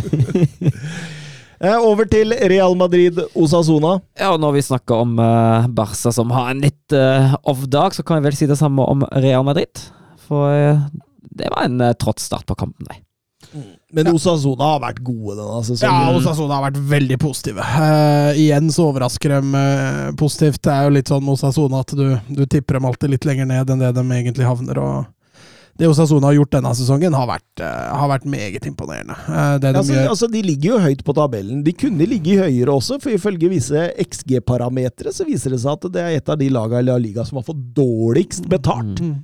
Og, og, og når man ligger så høyt da, så er det Men, men, du, men du ser jo i løpet av denne kampen her, altså De er veldig gode til å stå samla med laget. Avstander hele veien, både når de forsvarer seg og når de angriper seg. Det er alltid ti mann som forsvarer seg, det er alltid ti mann som angriper. Og det jobbes knallhardt på hver eneste ball, og så klarer de til å kombinere dette med å slå av og ha litt ro når de først får ball. Mm. Altså, Arasata har virkelig gjort en kjempejobb nå, og han har bygd dette her over litt tid nå, så, så dette Osasona-laget Altså, Real Madrid var nok litt off. Altså, Mm. Chouameni ble bytta tidlig ut der, åpenbart ting ikke fungerte. Eh, så, så det var et Real Madrid-lag som var litt off, bare så det er sagt. Altså, hvis det var et lag som skulle vinne den kampen, der, så var det jo Real Madrid. De Mm. brenner jo et straffespark, og de, de spiller jo mot ti mann på slutten der. Det blir jo five-a-side de luxe, men uh, Osasuna, den iherdigheten når Real brenner den straffa, så sitter du nå og tenker at nå ofrer de livet for det ene poenget. Og når du får den innsatsen inn i spillerne dine, så kan du klare hva som helst. Helt klart. Det var litt tur, det 1-0-målet til Venicius, eller? Ja, det var det. Det var jo han Rudiger er vel, Det ble et innlegg, da. Eh, og så er det jo Rudiger som Herrera må ta hensyn til. Og han er vel omtrent den eneste spilleren der inne som ikke står i offside. Mm. Uh, og da går innlegget i lengste hjørne. Så ja, det måtte jo, måtte jo bli en sånn scoring, nesten, altså. Jeg gjorde det. Kiki Garcia ga 1-1. Den er, den er sterk, altså, den headinga der. Åh, det er Det, det, det innlegget kommer helt uten vinkel, så det, Ja. det er så det, det, Altså, det er bare én ting å måtte gjøre der. Men Luni nå er jo fullstendig feilplassert. Ja, ja, ja. Altså, han er først på vei ut der, og så angrer han seg. Men, men altså, den kan hende hadde gått inn selv om han hadde vært riktig plassert. For den, Mm. den er helt oppe i vinkelen. eh. Og Rudiger tapper duellen. Ja, det gjør han jo. Ja. Eh, det er ikke lett Det er Nei, ikke nei, nei. for en forsvarsspiller å vinne sånn type duell, for du er nødt til å bare måke ned motstanderen hvis du skal komme først på den ballen. Det er klart. Uh, og så er det jo sånn, når du header med ryggen mot mål fra 16 Nei, fra, fra 11 meter, det var vel mer enn det jo, så er XG-en på den er ikke veldig Nei, stor. den, den er ikke det. Den er ikke det. Men man trodde jo et straffespark nok en gang skulle redde eh, Real Madrid. Det gjorde det ikke. Nei, selv om jeg mener at straffesparket og påfølgende utvisning er helt korrekt. Ja, Garcia driver med der. ja. Altså, det er mulig han ikke dytter hardt av, det er mulig bare hendene ligger Ja, men der, men det- det blir så synlig. Ja, og det, det neste er jo altså, det, det, ser, altså, det, det ser jo oppriktig ut til å bringe Benzema ut i ubalanse, da. Mm. Når han uh, har avslutningsmulighetene alene med keeper. Da blir straffa rett. Men uh, Benzema i det siste han har bomma litt på straffespark også forrige sesong.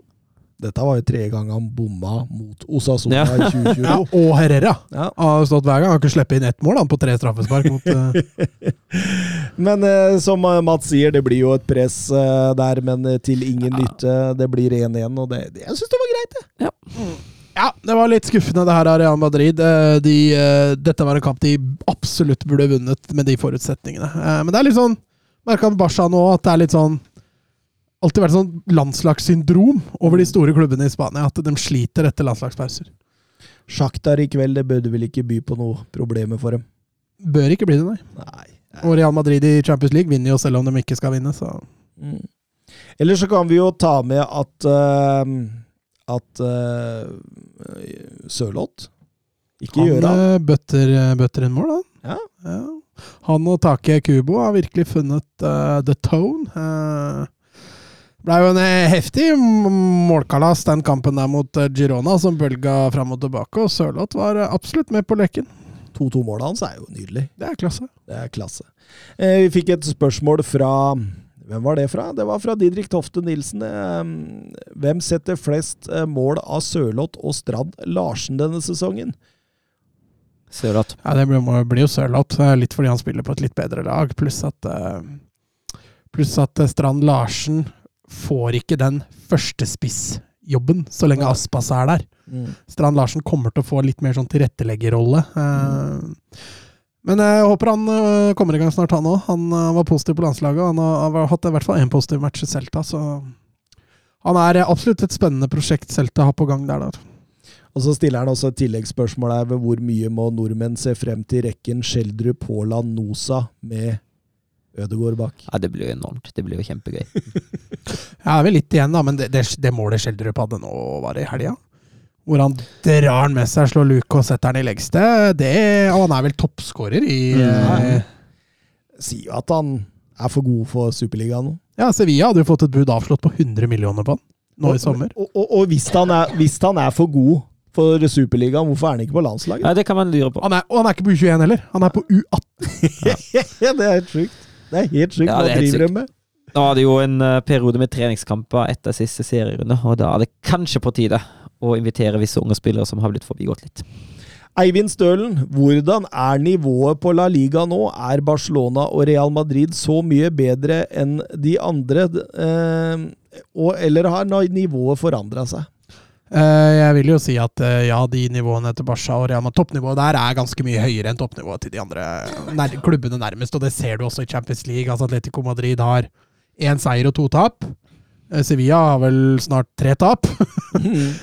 mens Barca også har jo ikke imponert, mens Real Madrid har gjort det bra. Så du, du ser det litt der. Da får du en fin sammenligning. Og bak Barca Real Madrid nå, så det kommer til å bli luke. Ja, altså jeg tenker jo at det som har vært litt avgjørende, er jo at Barcelona har kommet seg opp igjen på Mm. det nivået Real Madrid var på i fjor. For Real Madrid var jo det soleklart beste laget i eh, La Liga i fjor. Det var ikke noe diskusjon, selv om det var noen matchvinnere som skulle til i noen kamper der. Eh, men det at Barcelona nå har forsterket seg sportslig såpass mye, eh, har hjulpet voldsomt at de to ligger på jevn nivå, i hvert fall. da. Nå er det er det ikke El Clásico til helga?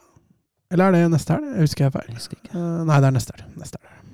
Men eh, sånn jeg føler i hvert fall, at Real Madrid og Barcelona, til dels Atletico Madrid altså, De kan underprestere hvor mye de bare vil, men det blir likevel topp fire. Mm. Uh, så, så får vi jo se om det gjelder Sevilla nå. det tviler jeg Ja, sterkt på. den, det, det toget er nesten allerede gått, faktisk. Ja. De, de eh, ligger de ikke rett over Nerika? Jeg tror de ligger på, på 17.-plass. Mm.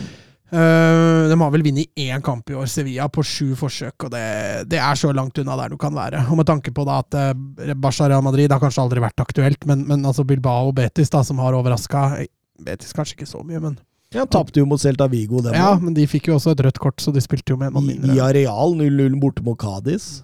Men allikevel, da. Villarreal, de er allerede sju poeng bak Villarreal. Mm. og de ligger utafor Europa, eh, europaplassene. Ja. Så de har mye å ta igjen hvis dette skal snus. Eh, at Lopetegi er mannen for å gjøre det, det tror jeg ikke han er. Eh, med det mannskapet han har nå. Eh, det der tror jeg bare blir verre og verre. Hvis de fortsetter med dette, så kan han like gjerne bare få det bort. Uff. Og så hente en Hente en spiller som ikke, eller manager som ikke vektlegger det defensive så mye. For man har ikke materiale i Sevilla lenger til å spille på den måten. Og så er det jo veldig gøy med Bilbao, da. Disse Williams-brødrene bare herjer jo videre. Mm.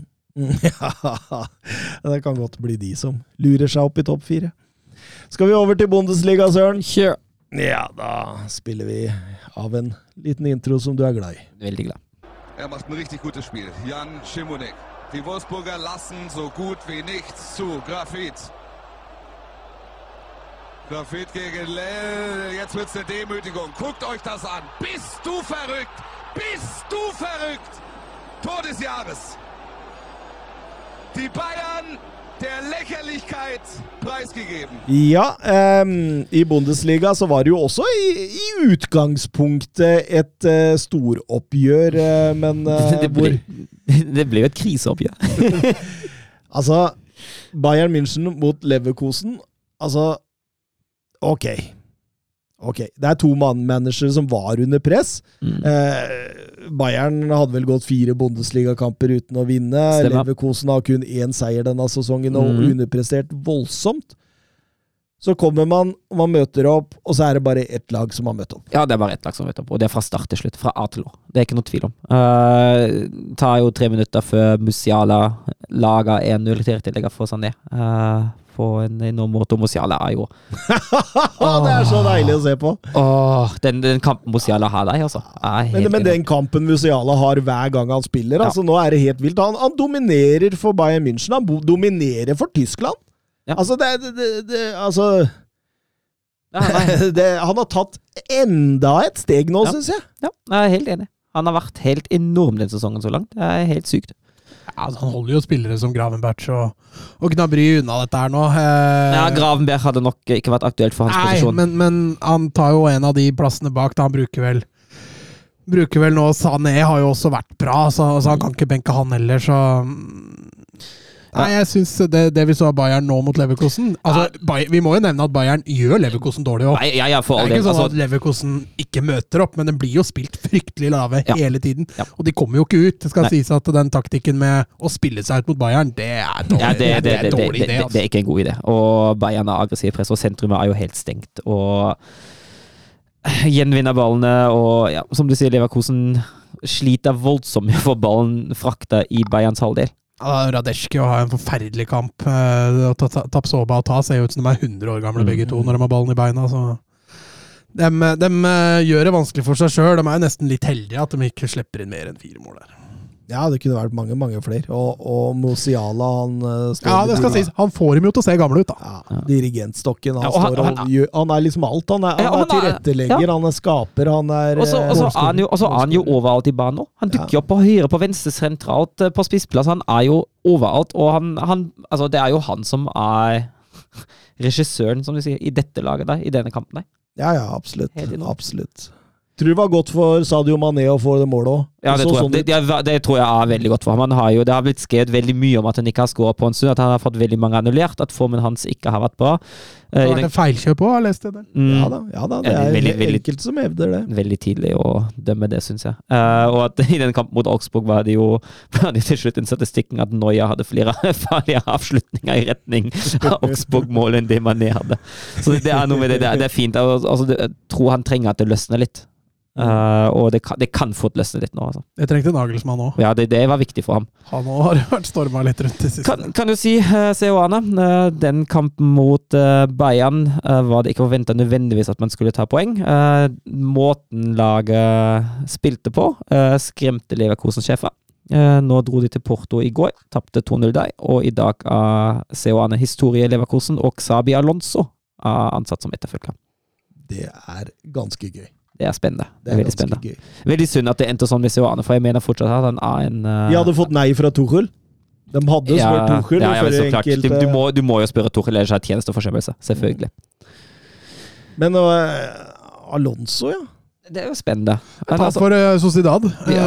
Uh, man hadde vel kanskje trodd og håpa han skulle ta over et Algozil om ikke så lenge, men han forlenga jo kontrakta si for ikke så lenge siden, så ja, altså, altså, det er spennende å se nå. Han, altså, han har vel bare trent, uh, trent Sociedad 2 så langt. Uh, ja. Så det er jo spennende å se hvordan han hever seg på det nivået. At han er en fotballsmart type uh, som kan gjøre det bra. Det er ikke noe tvil om, men det er en viss risiko for Leverkosen der.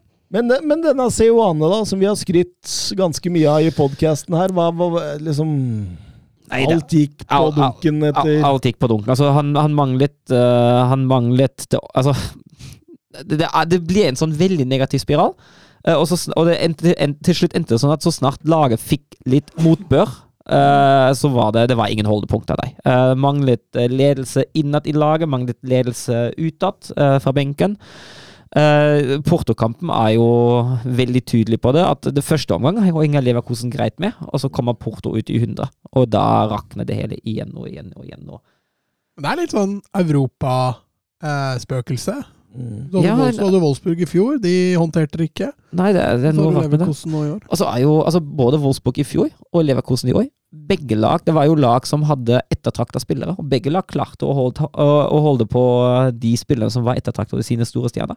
Mm. Uh, og så går det såpass dårlig. Jeg tror ikke Leverkosen ender opp med å rykke ned for, eh, på ingen måte. Jeg tror de, eh, de klarer seg med god, god, god margin. Og vi får se om det blir noe kamp om Europa etter hvert. da. Vi får se hvordan Alonso blir da. Hvordan Alonso gjør det. Det er spennende å se nå. Leverkusen er, er spennende å observere nå. Mm. For det Ja, er gøy. altså, og, så, og har man jo sånne kamper mot Atletico Madrid. Da de er klart best å vinne fortjent i Champions League mot, uh, mot en ganske god motstander. ikke sant? da? Ja, nei, Seoane slår jo meg som en sånn Han er litt sånn veldig avhengig av å få overgangene til å flyte. Mm. Og er veldig god til å sette overganger. Veldig god til denne transition-fotballen. Så og, og, og det er klart at det var jo et big, big blow at Florian Wirth, som var Ja, på en måte ja. det hengepunktet, det der mellomleddet der. Der, der har du nok litt av nøkkelen. At Ja, det der det- begynte å gå gærent. Det er liksom der, altså der, der mangler som du sier, det, det å strukturere det etablerte angrepsspillet, da, det har ikke vært uh, like enkelt etter at Wirtz var var borte. Og ta i tillegg da en uh, målskårer på topp, som ikke lenger skårer mål. Ja, Da- skikk, ja. Ja, da har du et problem. Mm. Må vi fram med den skikk på skikk igjen? Ja, må få skikk på skikk. Kanskje Alonso får skikk på skikk. Ja, men det gjorde jo også han òg, så Ja da, ja da. Eh, og, eh, men eh, Nagelsmann fikk vel ikke skikk på skikk? han gjorde det han i gjorde RB. Leipzig. Nei, han gjorde ikke det. det. Syns ikke det. Um, Bayern München de lekte jo med karnøfla, faktisk, i Mm. Victoria Pilsen i går, og, og, og ser jo ut som de på en måte har fått sin mojo tilbake igjen, kan du ikke si det? Ja, jeg tror kanskje landslagspause også kom til akkurat riktig tidspunkt for dem. Og så er det Der klassiker neste lørdag. Ja, det blir gøy.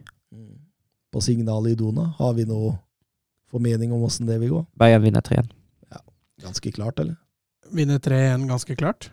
Ja, Det var et spørsmål til deg. Ah, ja, er, du sånn, med, er du med på ganske klart? Eh, når var sist Dortmund vant? Eh, Det er vel De vant vel, vant vel den ene Var det ikke en supercup som de vant? Ja, men i serien, Ja, liksom. det er, en, det er en stund siden nå. Jeg mener du husker Dortmund kan spille så godt de bare vil, men de taper for det. Så at det ligger Bayern-seier der i korta, det, det tror jeg nok det gjør. Köln-Dortmund, når vi først er inne på det. Um, Ja, da Altså, jeg hvis, hvis jeg hadde sett den kampen uten å vite at den blir spilt i oktober 2022, ja. kunne jeg ha vært fristet til å mene at den har vært et gufs fra forrige sesong. Ja. For jeg mener at da har vi, er vi tilbake på Hawaii Dortmund, altså. Det er jeg Og- helt enig i. Og det, det som skjer jo, at Köln er jo et lag som har tjent med å få kamper i de sporene der. Mm. Eh, Så her går Dortmund med for å få kampen i Kölns premisser. Kampen er akkurat da Köln vil ha en særlig annen omgang. Litt sånn som de hadde. altså det, du, du, du, du, har sett det nye Dortmund, og så fikk de jo det tilbakeslaget mot Werder Bremen, Mm. var det vel. Og, og, og Ja, altså- nå er man litt tilbake der igjen som man var mot Werder Bremen. Ja. Her går veldig mye gærent. Ja, og altså, altså det, det som jeg syns er mest skremmende, er hvor lite grep Dortmund tar sentralt på midtbanen. Eh, at, man, at det er et område som, som i 2020 eh, 2021-2022-sesongen, da, eh, under Marco Rose, som bare Nei. Det, det dropper vi å, å egentlig spille, spille med, i hvert fall mot ballen. Ja. Uh, og da, da, da får jo Köln, uh, får jo Köln uh, store rom der og kan bryte. Og Dortmund leder jo til pausen, og leder ikke ufortjent heller, men allerede da etter pausen da ser du allerede hva som kan gå galt i den kampen. For jeg syns ikke Dortmund har kontroll. Dortmund ser skjegge ut. Eh, og Köln har flere sjanser, også tilløp til sjanser, selv om Dortmund jeg mener er best før, i første omgang. Ja, for Köln kommer ganske mye bedre ut i andre omgang. Ja, og da, da, Da var det nesten, det da var det nesten klasseforskjell på Ja. laga. Det var jo litt artig at Modest spilte på Borussia Dortmund, og Tigges spilte på, på Köln. Og Tigges er jo selvfølgelig den, da, som Ja. gjør 2-1. Ja, det var måtte skje. Ja, fin corner. Eh, god heading. Er ikke ferdigskåra den, eh, selv om han kommer i fin bevegelse. Knuser Slåttebekk i duellene. Eh, feirer avmålt, eh, men man eh, si. Ja, nei, det var uh... Men, men, men nok en gang der, da, så begynner ikke sant? Altså, Det er de personlige feila. Man byr på de romma. Man henger ikke sammen i lagdelene. Altså, det må jo være bekymringsfullt for Terzic å se akkurat det der. der fordi eh, det er, det er jo ikke slik at de sender hodeløst mange fremover Nei, i, og, og, og, På, på ingen måte. Det er bare en dårlig oppfattelse av rom. Dårlig Mm. oppfattelse av eh, hvor man skal, eh, hvor man skal stenge og ikke stenge. Og, altså, beklager, det Guerrero gjør på venstrevekt der. Mm. Jeg fatter ikke at det skal være mulig. Nei, nei, og du ser den sjansen til Florian Dirtz der også. Eh, eh, altså, det, det er én ball eh, inn sentralt og én lempe i bakrom, og så er eh, ditt eh, gjennom og for Fryktelig altså, enk- all fryktelig enkelt. verdens tid og rom. Fryktelig enkelt. Ja. Så det er, det er veldig, veldig merkelig at dette her skal skje nå, når man liksom åpenbart har hatt en Ja, altså, altså, er jo, det er jo altså Hvis du ser på 3-målet, da. De går Dortmund Nei, Köln bare går gjennom. Det er null press på ballfyra. Det Mm. er ingenting. Ingen av de som er involvert i angrepet, og det er fire-fem Köln-spillere som er involvert i det angrepet, da blir pressa i det hele tatt. ja, Og, og avslutninga det, Sylet står på Ja. to-tre meter på bakbeina, Ja. og Nei, det Nei, Det er, det er fryktelig. Og det, er, det her må Terzic eh, få grep på ganske fort, altså. Så var det litt gøy at, eh, at reduseringa til Dortmund kom på et selvmål, da, for det er vel tredje kampen på rad Køllen har Ja. selvmål, og Smiths der han står for to av dem. Den er litt, den er litt kjip, men det var ikke tellende denne gang i forhold til det var mot Union og Bochum. Nei, og det hadde ikke vært fortjent heller. Det er helt fortjent at Köln tar tre poeng. nei. Dermed er det den første seieren til Steffen Baumgart mot Dortmund. Ja. På sjette forsøk. Ja, han, jo, han har jo trent uh, betraktelig underdogs mot, mot Dortmund i, uh, i Paderborn og Köln. Ja. Um, spillet mot Sevilla borte i kveld, det må jo bli Må jo bli seier. Blir seier, det. Ja, ja. 3-0. Det er liksom, Sevilla klarer ikke å skåre mot Dortmund, selv om Dortmund øh, går opp i liminga. um, litt grann om eh, RB Leipzig mot uh, Bochum òg. Det var jo et enveiskjøring. Det var eh, enveiskjøring. Og da, da, har vi jo, da har vi jo litt den naiviteten igjen, da. Uh, du har et Bochum-lag som prøver å presse ganske høyt, uh, men som står såpass langt unna motspillerne og ballfører uh, og alt det der, at de kommer seg rett og slett ikke inn i presset. Eh, så du ender jo opp, eh, litt som de har vært inne på med, med United òg, at eh, du ender opp med et lag som står høyt uten å egentlig utøve press. Og det, det er jo drepen mot RB Leipzig. Det går ikke. Og det er jo sånn kampen blir det, at uh, Særlig Werner og Nkonko de leker seg jo gjennom det Bochum Skal vi kalle det forsvaret, da? Skal vi kalle det Forsvaret? ja. Det er like stort forsvar som det Norge har. Ja, og han- altså, skal jo prøve, Han skal jo ha Lech, eh, nye treneren. At han, han prøver jo, han legger jo om til 3-5-2. Han legger jo om til trevektsiden for første gang den sesongen her for Bochum, men eh, altså, for, altså, for Marco Rosa hadde funnet fram den gode gamle 4-2-2-2. Ja, han hadde det. Eh, og med, med Werner Werner var jo, hadde jo en rolle da han stadig vekk trakk inn fra venstre og inn i det bakrommet der. Men det er jo Werner i, Ja, det er jo det. Det er jo i det. Leipzig. I glansdagene. Ja. Og med Silvon og Konko på topp, eh, da ja. Det var jo fullt, altså. Det kunne vært flere. Og, ja, det kunne det. det, var, kunne det det. var, en Koko bommer jo til og med på straffespark. det deilig at Saboslai kommer inn der, og jeg syns han også er god til liksom på en måte det å variere og, og, og, og fordele baller. og Nei, det så, så, så egentlig veldig greit ut, men, men, men samtidig da, så tror jeg jo Bochum er veldig, veldig enkle. Jeg tror det er eh, Bundesligas Ja. desidert letteste lag å slå akkurat nå. Ja, og det, det at de sparka Thomas Reis, etter min mening, var en eh, klar tabbe. De har, og Thomas Reis er en faglig sterk trener. Eh, Det har, vært, det har nok noe, eh, noe motvilje der òg, fordi han, han har vært litt uheldig i mediene eh, eh, og uttalt seg om eh, kontraktsforlengelsen. Han har ikke vært villig til å signere en ny kontrakt med klubben. Og det har nok tært litt på, på forholdet mellom klubben og Reis, men at Thomas ville egentlig reise. Men at Altså, jeg, jeg, kan ikke, jeg, kan ikke se for meg at Borum får en Og de har det ikke fått heller. får en sterkere trener enn Reis. Og selv til tross for den dårlige starten, jeg mener at de bare bør ha fullført sesongen med Reis uansett. Den troppen da er ikke bedre, og med Reis var det en minimal sjanse til å berge plassen. Nå mener jeg at den sjansen er null. Altså. Det, det går rett ned, og det går, det, det går ned som sisteplass, og det går ned med god margin. Det tror jeg også. Jeg tror ikke det er noe særlig håp der. Eh, Wolfsburg-Stortgart.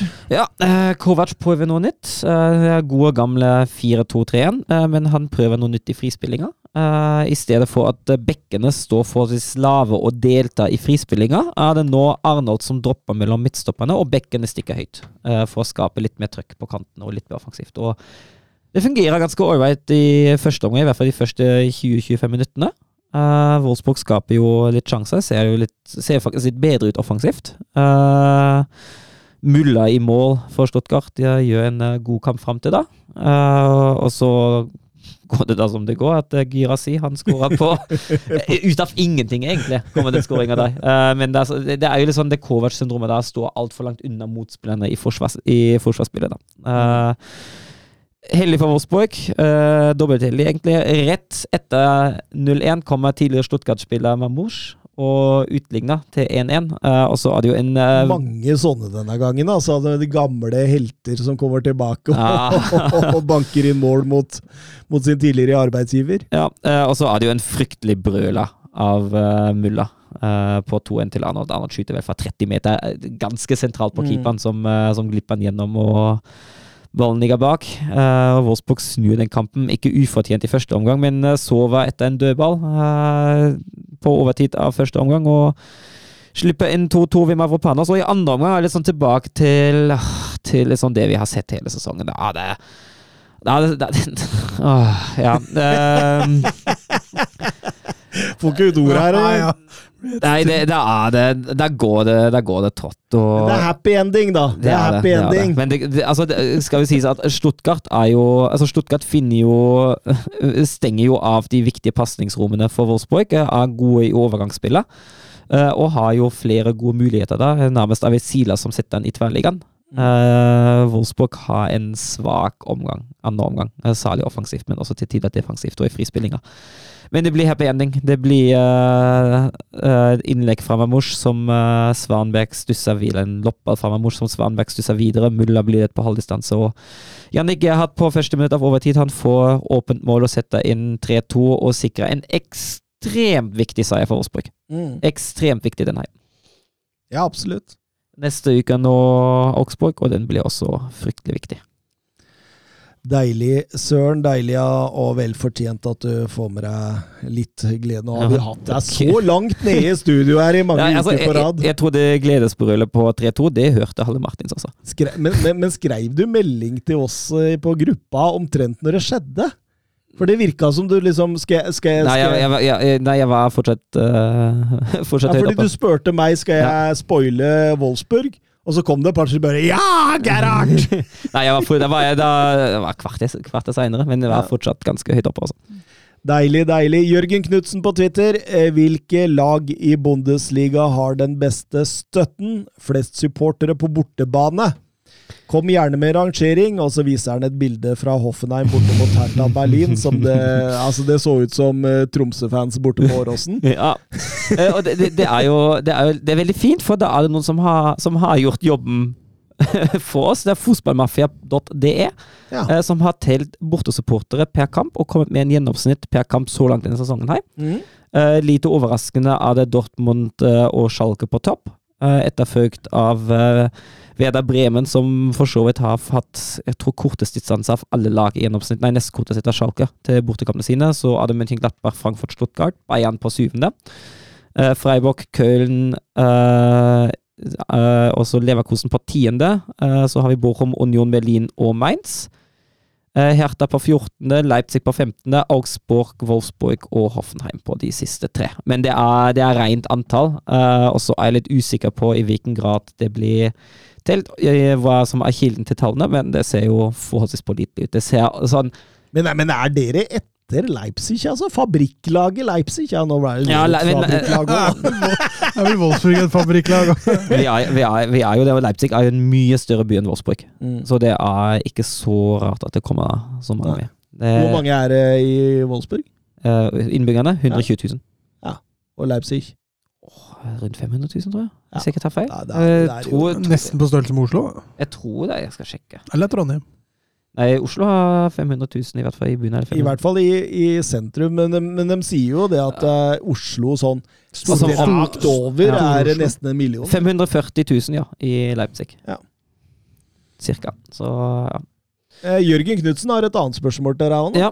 Eh, er du klar for derby mot Braunschweig i DFB-pokal, og hvor nervøs er du? Jeg er fryktelig nervøs. Eh, det, er jo, det er jo en kamp der Wolfsburg egentlig bare har alt å tape, Mm. og Braunschweig alt å vinne. Eh, det, er ikke, det er ikke helt på høyde med da vi spilte kvalik mot dem eh, da, var det, da var det helt krise. Uh, der sa jeg jo at det hadde vært bedre å rykke ned som 18.-plass istedenfor å rykke ned i kvaliken mot Braunschweig. Eh, og det er klart at ligaen betyr mye mer, men det å gå på en blemme i derbyet mot ja, det som etter hvert har blitt, har blitt junioren i, i det rivaleriet der, det går ikke. Særlig når de ikke har en god sesong heller. Kjenner du noen Braunschweig-fans? Nei. Eller, det, jo, er, jeg- det, er- det er ja. ingen som kan drive og prikke på det. Ikke, ikke nå, jeg hadde noen lærere på skolen som var Braunschweig-fans, men uh, Men hvor langt li unna ligger det Wolfsburg, da? Uh, uh, 30 km ca. Halvtime Ja. mil. Er det sånn ordentlig hat-hat? Det, det er altså Det er jo Det er nærmeste rivaler. Eh, Jeg tror Braunschweig hater Hannover kanskje mest uh, framfor oss. Og problemet er jo at man Altså, man har jo spilt veldig lite på samme nivå. For idet Braunschweig var på veien ned, var Wolfsburg på veien opp. Uh, Braunschweig har spilt én sesong i Bundesliga sammen med Wolfsburg, og så har vi møttes en gang i, eh, i kvaliken. Uh, andre, laget, andre laget til Wolfsburg har faktisk hatt noen derbyer mot, uh, mot Eintracht Braunschweig på tredje, tredje og fjerde nivå. Eh, men Nei, altså for meg er det jo den nærmeste rivalen, og det er jo det laget jeg liker betra eh, Det er den klubben jeg liker med god margin minst i hele Tyskland. Men er det bare fordi de er rivalen, eller er det sånn så, så, så, Nei, så, det så, som min historie med Arsenal, da, Ja. hvor, sant, hvor Arsenal kjøpte seg plassen framfor Tottenham i sin tid, og, og flytta opp til Nord-London og prøvde å ta over hegemoniet der. Nei, det er egentlig mest Altså, de, de supporterne deg, de er ikke helt gode. Uh, bare du har Wolfsburg-stikker i bakruta og parkerer bilen i Braunschweig, da kan du risikere at bakruta ryker, ryker liksom. Eh, det, er, det er ganske aggressive folk generelt. Uh, de stormet jo blant annet uh, banen da de tapte eh, den kvaliken på hjemmebane, og begynte å gå løs på vaktene og politiet og prøvde å komme seg inn i, i, spill, i spilletunnelen mot eh, Wolfsburg-spillerne og hele pakka. Fader, du skulle vært Braunschweig-supporter, du, Thomas. Du er født inn i feil kropp, du. Det er Altså, I feil kropp! og det, det at de Jeg skulle vært jente og Braunschweig-supporter, er det det var ikke det jeg mente. Det ploppa ut feil. det at, det, altså det at de går De vant jo seriegull en gang i Bundesliga, de var i 67. Og så nå går de jo rundt og mener at deres seriegull er mer verdt enn Wolfsburg for det kom tidlig og alt det, alt det tullet der. Så det, det er en, det er en eh, ultrakonservativ klubb uh, med ganske voldelige supportere eh, som gnåler om eh, mye rart. Tysklands svar på Millwall.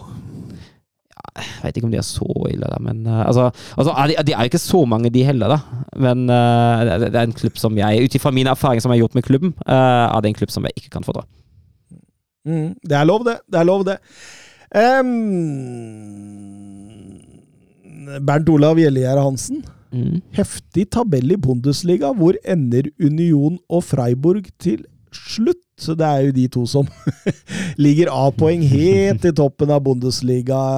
Riktignok tapte Union 2-0 mot Frankfurt i helga, mens eh, Freiburg eh, vant eh, 2-1 mot Mainz. Eh, og jeg tror fort begge lag kan fint kjempe om Europa igjen i Mm. år. Eh, jeg tror ingen av de er å finne i topp tre etter sesongen.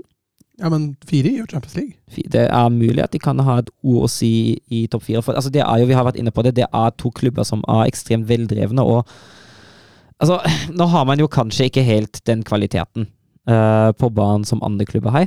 Uh, men det er, det er to lag, og her kan man understreke lag uh, på banen. da. Og det er to ekstremt fotballsmarte trenere som sitter ved siden Mm. ved siden av banen der. Og at de, i hvert fall i en sesong da klubber som Leverkosen underpresterer noe voldsomt, da. At de Mm. kan eventuelt Og Leipzig har jo ikke akkurat kommet godt i gang, de heller. Nei, men de, Eh, men de kommer nok. de kommer, de kommer, de gjør det. Eh, men at det kan være en åpning da for å kjempe om fjerdeplassen I fjor var verken Union eller Freiburg voldsomt langt unna heller. Mm. Eh, men altså at begge to Jeg, jeg spår begge to i topp sju, jeg. Jeg gjør det. Ja. Og det, det er jo helt enormt. De, prest, altså de prestasjonene som de klubbene der leverer nå år etter år etter år kan. Man kan ikke hylle det nok, altså. Man kan ikke det. Nei, eh, man kan ikke det. Men at eh, Bayern stikker av med gull, og at Dortmund og Leipzig tar de to neste plassene der Og så kommer de sikkert til å kjempe rundt uh, sammen med Frankfurt og, og Hoffenheim. Ja, og München-Glattberg tror jeg kommer også Ja, til å de blande seg inn. Og vi, vi får se hvordan det går med, med Leverkosen. Det, det, er, det er langt opp er langt, der nå, det er altså. langt, det er akkurat. Det er langt, og nå har man på en måte tatt et litt risikabelt valg i, uh, Mm. i Xavi Alonso. Men uh, som sagt, jeg tror absolutt at de kan, uh, kan havne i topp sju, begge to. Altså. Og det, det, det hadde i så fall vært enormt, nok en gang. Nok en Og det, Man må jo ikke glemme eh, at eh, de to spiller jo også i Europa. De har jo, eh, har jo ganske tøft kampprogram, de òg. Absolutt. Absolutt. Skal vi gå over til Serie A? Easy. era il marcatore di Cannavaro. Palla tagliata, messa fuori, c'è Pirlo, Pirlo, Pirlo, ancora Pirlo di tacco, tiro, gol! Grosso, grosso, gol! Gol di Grosso, gol I di Serie A hadde vi toppkamp mellom Inter og Roma. En must-win-kamp for eh, begge lagene. Mourinho, Rada og Pellegrini, Sanjolo og Dybala på topp. Og, og ja, det, det var jo en kamp begge lag egentlig burde, burde vinne for å holde følge i teten der, da. Og ikke overraskende så fikk vi jo en Mourinho som parkerte bussen. ja.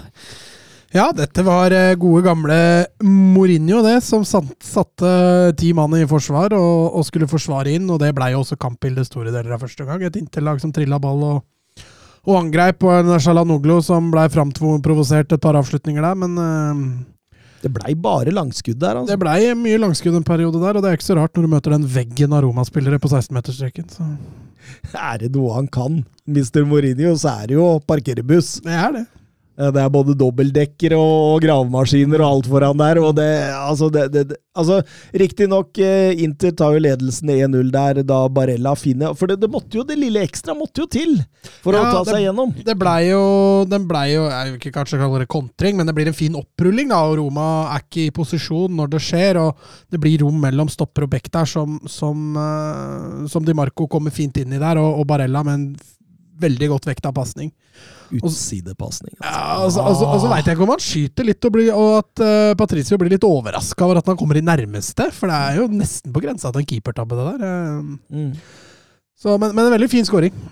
Og da var det jo viktig at man svarer ganske kjapt. Ja. Og det gjør de jo. Det gjør de, Og få en nydelig scoring av Dybala. Uh, nydelig forarbeid av uh, Spinazzola også. Mm. Uh, og der kommer jo Roma litt ut av skallen sin nå. Ja, absolutt. De gjør jo det. Da, da må de jo litt mer opp og fram, og jeg, jeg syns jo de, de er jo Altså, de er jo De er jo i en bedre fase når de ikke parkerer så mye, da.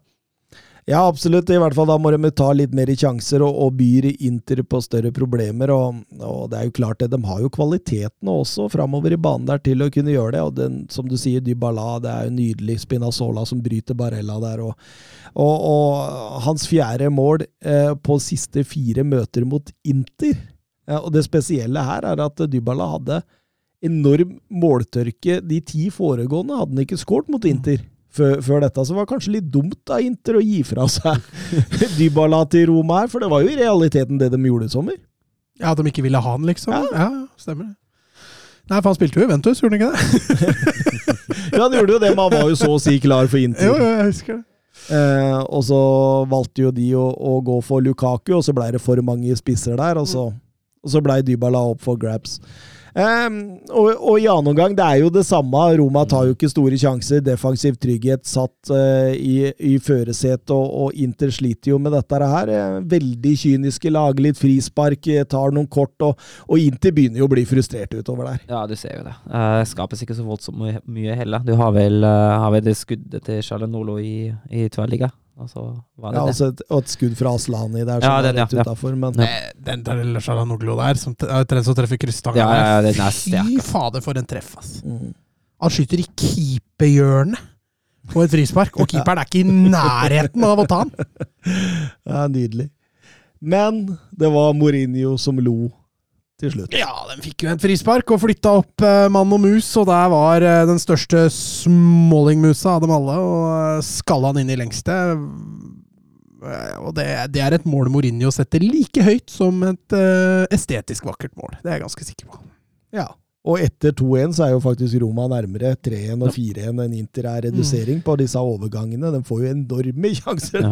Tammy Abraham, at han Nå må Han sentrer to meter utafor deg. Han er helt hjelpeløs for å ha mål for tida! Der er selvtilliten på bånn. Altså. Og det betyr at Inter har tapt fire av åtte kamper denne sesongen og ikke har hatt noe tyngre start siden 2011. Det, det, Det er bra de skulle møte Borsa da, i løpet av den uka der, så de fikk opp selvtilliten igjen. Ja, for det var jo det de gjorde. For hadde de tapt der også, tror jeg Insagi kunne sitte i svært uttrykk nå. Ja, ble ikke Barca litt borte til de kampene? Eh, jo, den hendelsen til Dumfries der. Ja, ja, ja. Og det som er litt spesielt der, er jo det at eh, Erik Garcia har jo en stygg hands før det. Mm. Og da var dommeren på skjerm for å se er dette straffe. Mm. Og det tror jeg de konkluderte med at det var, og så ble det offside allikevel. Mm. Og så når de ser den på nytt igjen, da, den er jo like stygg fra Dumfries, spør du meg. Mm. Så ja, jeg syns vi ble litt bortdømt der. ja. Vebjørn Fredheim, Mourinho masterclass i helgen. Er vel eh, her Mourinho er på sitt beste, og potensielt på sitt verste. Ja, det er jeg helt enig i. Eh, den, den Mourinho Masterklassen, den, den, den behersker han, men problemet er jo nå han eh, Altså, det er jo det som har kosta ham så mange kamper, så mange seier, så mange poeng i Tottenham òg. At han har på en måte lagt seg for dypt uh, når momentumet viktig var på hans side. Og jeg, man kan jo argumentere for at han uh, etter 1-1 kanskje bør ha kjørt på litt mer, da. Altså, Det endte jo bra til slutt, men jeg syns jo rundt 1-1 får jo Roma en, en god fase i den kampen her. Men Mourinho satt vel ikke på benken i den matchen? Nei da, men altså det, Det er vel han som styrer. Nei, jeg regner med det, men uh, Men, men er ikke Altså, jeg, jeg er helt sikker på at disse kampene her er de Mourinho elsker mest. For her får han sagt til fotballverden at 'jeg har rett', se hvordan det skal gjøres. Sånn slår man et antatt bedre fotballag. mm. Altså, og så er, så er det veldig vanskelig, da, for alle andre å finne argumenter imot så lenge man vinner, ikke sant? Ja, så kan man Monza neste helg og Ja, vinner, ja, vinner ja, ja. 2-0. Ja, det, og og det kan jo skje, ikke Ja. sant? Men samtidig, akkurat disse stundene her, nyter José Mourinho. Ja, ja, ja, Han nei, det er elsker dem. Og, og, og det, det er som Mats er inne på også, det at Smalling header inn på et frispark på 2-1 et kvarter før slutt der. Altså, det, det kunne ikke gått bedre for han. Det kunne ikke gått bedre for han. gått hardere for ham, mener du? oh, men, men, men, men problemet hans her, det hadde jo vært om han ikke fikk svar på det 1-0-målet ganske tidlig. Mm. Det er da ting går gærent. Så det var veldig viktig mål av Dybala, dette her. Um, et annet storlag som slet voldsomt, uh, var Milan. Var på borte mot Empoli, og dette var ikke bra. Dette var ikke bra. Helt enig. Man kan fint hoppe over de første 80 minuttene i hvert fall fra Milan-perspektiv. Uh, Empoli syns jeg jo eh, gjør en veldig godkjent kamp. De er jo vanskelig å spille mot for all del, i hvert fall i denne sesongen her. Um, men altså, det er noe med den offensive harmløsheten eh, kombinert med den åpenheten for overganger når Empoli først våger seg fram, da. Eh, som jeg syns er en litt sånn urovekkende kombinasjon. Uh, gikk jo nå bra til slutt, men ja, jeg er helt enig. Altså, det, er en, det er noe flatterende seier her, altså. Ja, det er jo det, fordi altså, jeg syns Milan åpner best. Eh, er veldig bra i åpningen der. Da, da får de mange fine kombinasjoner, bra bevegelser framover, mange samtidig bevegelser. Eh, Rafael Leao tar jo fullstendig kontroll over kampen der. og så og så, og så faller det sakte, men sikkert hele veien der. Og så, og så syns jeg Empoli utover eh, på slutten av første omgang og godt ut i annen omgang er det klart beste laget. Skaper ganske mye, og det virker som Milan nesten er litt sånn Altså, hva, de, hva Pioli sa i pausa, det lurer jeg litt på. For det, var, det virka nesten som han sa 'slapp av, nyt dette, ikke jobb hardere enn nødvendig, disse slår vi uansett'. Det virka som han sa det til spillerne, for det var så tafatt.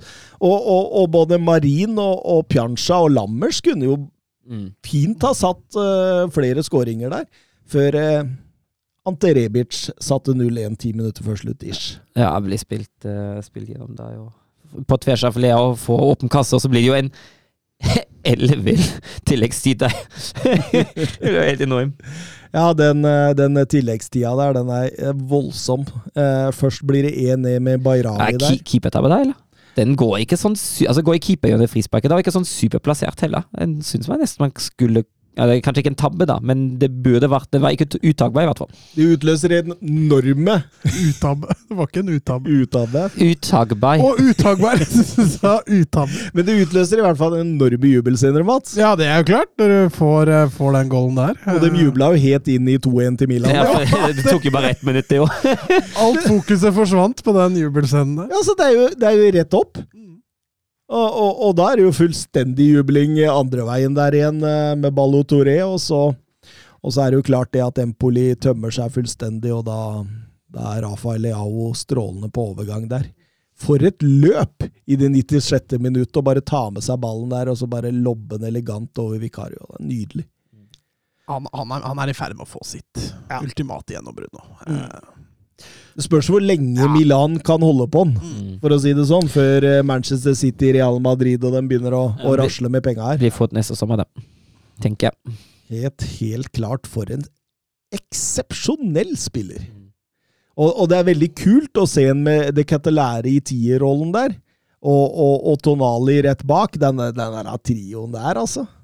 Den, eh, den kan eh, gjøre det bra. Så får vi se, da. Milan spiller svært viktig Champions League-kamp eh, på Stamford Bridge mot Chelsea i kveld. Den blir tøff. Den blir tøff. Den blir tøff. Um, faktisk har det bare skjedd tre ganger tidligere i Serie A's historie at man har fått tre mål på overtid. Det er, det er ikke noe som bør skje sånn super... Eh, Juventus da, de fikk jo en grei reise mot et Bologna som litt overraskende, det Bologna-laget der. At eh, det virker som de ikke har sett på Juventus i år. ja, La oss stå litt høyt, og la oss gi dem masse rom. Eh, men eh, nei, det var en veldig grei skuring for Juventus. De, et Bologna-lag som sto høyt veldig ofte, og ga dem mye, mye rom til å løpe i. og og det, det er vel måten Juventus faktisk kan greie å skåre mer enn ett mål på i løpet av en fotballkamp. Og det, det inviterte Bologna dem til å gjøre, og da, da, da blei det enkelt. Eh, Kostic får en tidlig skåring der. eh, på, en, på en fin overgang. Vlaovic uh, punkterer vel matchen halvveis ut i andre omgang der, og, og Milik, som har brent 40 store muligheter i løpet av matchen, får endelig goalen sin. Så det var en, det var en veldig fortjent seier. fortjent seier, selv om altså, Jeg veit ikke om det var Juventus som var gode, eller Bologna som var svake her. Altså. Nei, det er i hvert fall det siste. Ja, Bologna sliter, altså. De sparka jo Sinisa Mihailovic der òg. Det, det, det er nesten ingenting annet som har fungert i Bologna enn Arnatovic. Han er stort sett den eneste som, som har levert der. Ja, Han skulle United ha henta i sommer. Men et lite pusterom da, for, eh, for Juventus og Allegri. eh, Det blir det jo uansett, selv om motstanderen er svak. Ja, hva Kan du kalle det et pusterom? De ligger jo på sjuende eller noe sånt. Eh, Jo, jo, men nå har det vært, har det vært mye. Ja, det har vært en trå form. De har vel bare vunnet to av fem siste fem, eller noe sånt, tror jeg. Men eh, de har fortsatt en, en vei å gå. De er vel sju poeng bak Napoli og Atalanta. eh, og har lag som Roma og Milan foran seg, så, og Lazio kan vi nevne. Så eh, noe pusterom tror jeg ikke vi skal tillate dem å tillate seg å ha, men, men at dette var kanskje en kilo av skuldra, det, det var det nok. Men samtidig, jeg tror Altså, jeg Jeg ser de samme tegnene i denne Ja, kampen også. Det, er, som- det er fordi altså Bologna spiller jo Juventus gode her, med å Mm. gi dem så mye rom og stå så høyt og ønske å, å ha ballen mer enn Juventus. Det, det er jo egentlig bare tull når du spiller på bortebane. Da er det jo Skulle nesten ikke forundre meg om det ble 0-0 hjemme mot Kabi Haifa i kveld i Champions League. Skulle nesten ikke forundre Vil meg. dere, Altså, vil dere vite noen stillinger til pausen, eller? mellom Juventus og Akabi Faifa. Ja. fortell. Ja, Da er det faktisk ene til Juventus nå. Ja. Rabiot som skårer. Ja, uff a meg. Eh, ja, det må jo vinne der, for Benfica og PSG har jo stikket litt ifra. Eh, Napoli-Torino eh, Napoli, det er festfotball for tida. Mm. Ja. Det der de dreiv med mot Ajax, det var eh, Ajax er nok i litt krisemodus nå, de. Nå Angi, Angisa med to raske her, da. Ja, de avgjør matchen i første omgang mot, uh, mot Torino. Andre omgang blir jo bare en transportetappe for dem. Uh, men nei, Napoli dem, dem ser friske ut. De, de spiller en leken angrepsfotball for tida, når det fungerer, og det, det er gøy å se. Guadrachkela har jo vært enorm. ja, men vi advarte jo litt for han før ja, òg. ja, ja, ja, det traff. Og, og, og, og litt artig, Steffen Hansen er det Napoli driver med nå. For et nivå! Og så, så satt jeg og tenkte på når, når han skrev det. Ja, for man kan vel si at uh, der kan vi slå oss litt på brystet, fordi de aller fleste både internasjonale og norske podcaster jeg hørte på, i hvert fall, snakka om krise i Napoli. Fullstendig krise. Dette kommer til å gå rett uh, at skogen. Mens vi satt der og, og hylla Kvadraskela og, og Kim og, og Raspadori og hele gjengen og sa at nei, jeg syns faktisk de, de tetter hullene bra. Eh, Og at dette kan gå bra, og vi, vi har tippa dem høyt på tabellen, og Nei, det Så der, eh, men, men det de driver med, er jo altså 6-1 mot eh, Ajax der, det er jo, det er jo latterlig.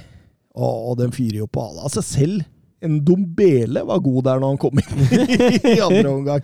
Så det, 80 det, millioner? det ser ekstremt bra ut for Napoli. Eh, vi kan jo ta med lite grann også om det store, store overraskelseslaget Odinese. Som klarer å snu 1-0 til 2-1 eh, mot eh, Verona i mandag, var det. Mandag. Eh, dette eventyret av et eh, Altså, det, det Andrea Sottil har fått til med det laget der denne sesongen her, eh, det er, det, er, det, er, så ekstremt. Det er så ekstremt. og han har gjort det i en 3-5-2 med, med solide treer bak herlige wingbacker, hardtarbeidende midtbane, og et sånn lyntog eller to på topp, med, med, med litt sånn X-faktor. Og, og det, er, det, er, mange av spillere her vi fort kan snakke mye om et par-tre år. Altså Oduji, som vi har nevnt mye, som er, er Tottenham-klar. Biol, denne slovenske unge stopperen som ser helt strålende ut. Og så, så har vi vært inne på Lazar Samardzic eh, flere ganger før. Ja, det. Så det, det, er jo et veldig morsomt fotballag, da. Ja, og så er det litt sånn litt eh, altså Roberto Pereira, som, som var i, i, Watford. Litt sånn Kan ikke kalle det stjerner, men, men litt sånn litt sånn avdanka typer. Som, som, Delofeo? Ja, Delofeo burde jo absolutt nevnes. Så de, de, har et, de, har et, litt kult lag, men at, det skal, at dette skal gå så bra sportslig, det, det, tror jeg ikke det var så mange som trodde på forhånd. Så får vi se hvor høyt det går til slutt. Ja, de vil nok få en knekk og dette utafor, men uh, uh, Udinese, da, som, som støtt og stadig kjemper rett over nedrykksstreken, og nå få en sesong hvor de nesten allerede er trygge, det, det tror jeg nok føles greit. Mm. Nevne også Atalanta, som fortsatt er ubeseira. Det, det er veldig rart å se Atalanta nå. Det er mer en sånn grinding Atalanta. Imponerende av Gasperini det, og så kunne på en måte Vi visste jo at han spilte en sånn type energisk, høytpressende turbofotball, men nå viser han jo også en kynisk side av seg, og, og det er litt sånn Jeg tenker at uh, de har vel aldri åpna bedre i sin klubbhistorie, og det, og det med tanke på sommer med salg og en sur Gasperini og, nei, Fotballens mekanismer kan være mystiske.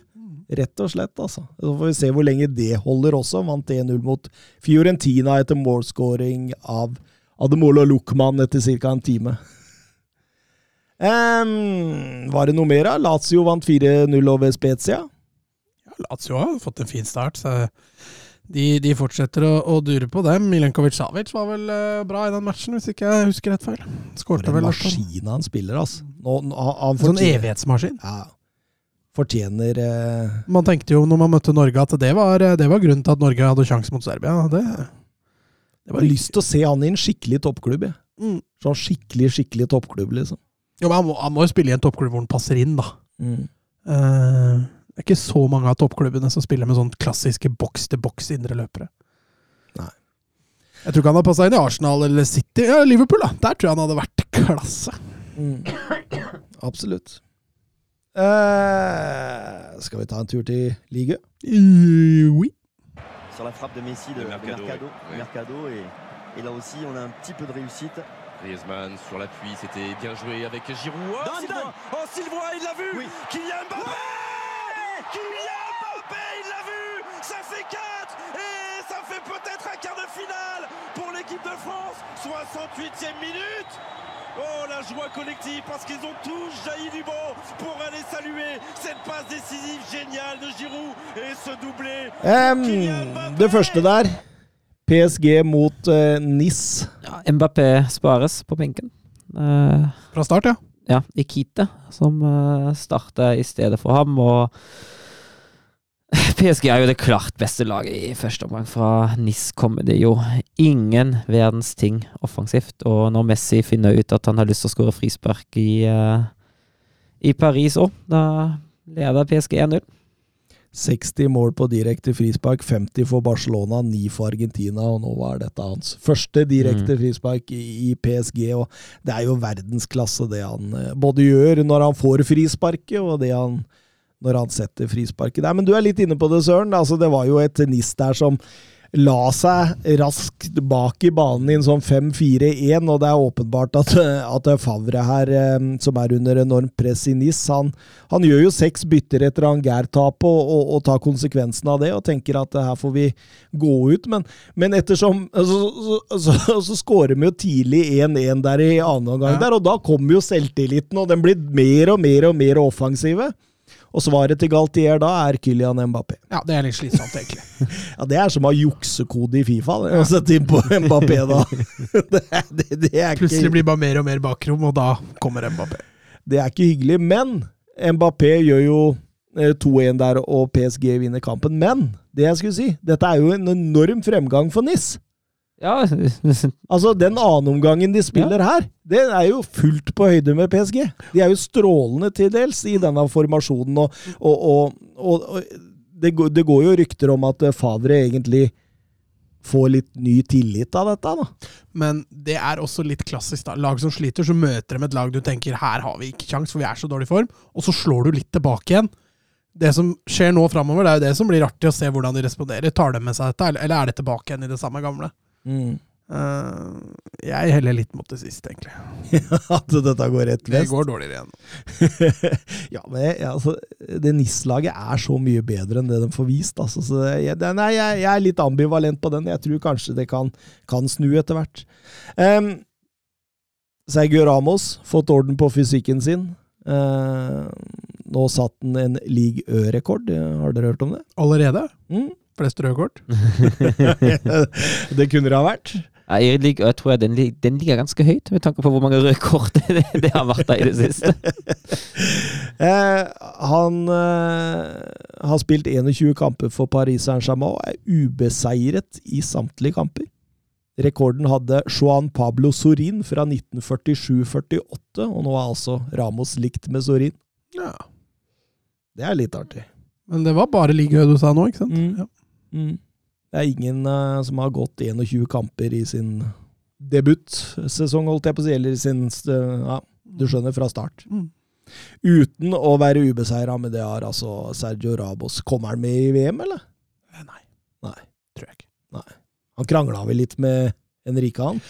Eh, ja, nå har ikke han vært i en spansk landslagstropp siden Nei, men husker lenge før han ble det var vel et eller annet der med at han Jo, men eh, Luis Henrique har krangla med flere, skjønner du. Han krangla litt med Jordi Alba òg, da var han plutselig ute. Men han er jo tilbake nå, så det er sånn ja, for Jeg husker det var et eller annet med at uh, han meldte fra Det var en sånn NOSA-sak, på en måte. At han meldte avbud pga. fysikken sin, og så mente Henrik at uh, han var frisk og Mm. ville bare hvile for Real også.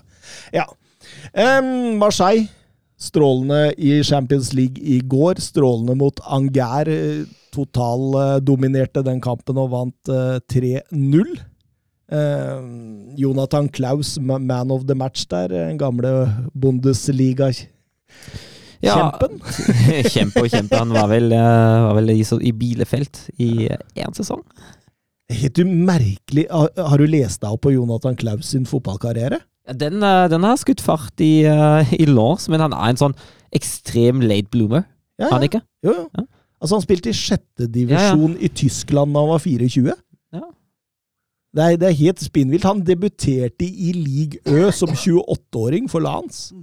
Og nå er han i Marseille og i den franske landslagstroppen, og sannsynligvis går han rett til VM. Altså, det er inspirasjonskilde for eh, spillere som sliter litt til de er godt voksne, altså. Ja, nei, jeg kan ta på meg fotballsko, jeg. Det ja, det er enkelt... fort være i den, i den franske landslagstroppen i løpet av kort tid, jeg. Enkelte tog har gått, Mats Granvold. Du har ikke troa på Granvoll i Qatar 2022? Nei, jeg har ikke det. Um, ellers så er jo, har jo Vi har jo snakka litt om at uh, Atletic uh, Club er høyt oppe i La Liga. At man har det med Freiburg og Union i, i, uh, i Bundesliga og i, i Serie A. Så, så har vi Odinese. Ja, du har altså Brighton i Premier League, da. Ja, og Brighton i Premier League. Og det har vi også i Ligue med Loria. Mm. Som vant 2-1 over NIS her, og har klatra opp på en tredjeplass på tabellen. Eh, det var Lill de slo, var det ikke? Ja, det var Lill.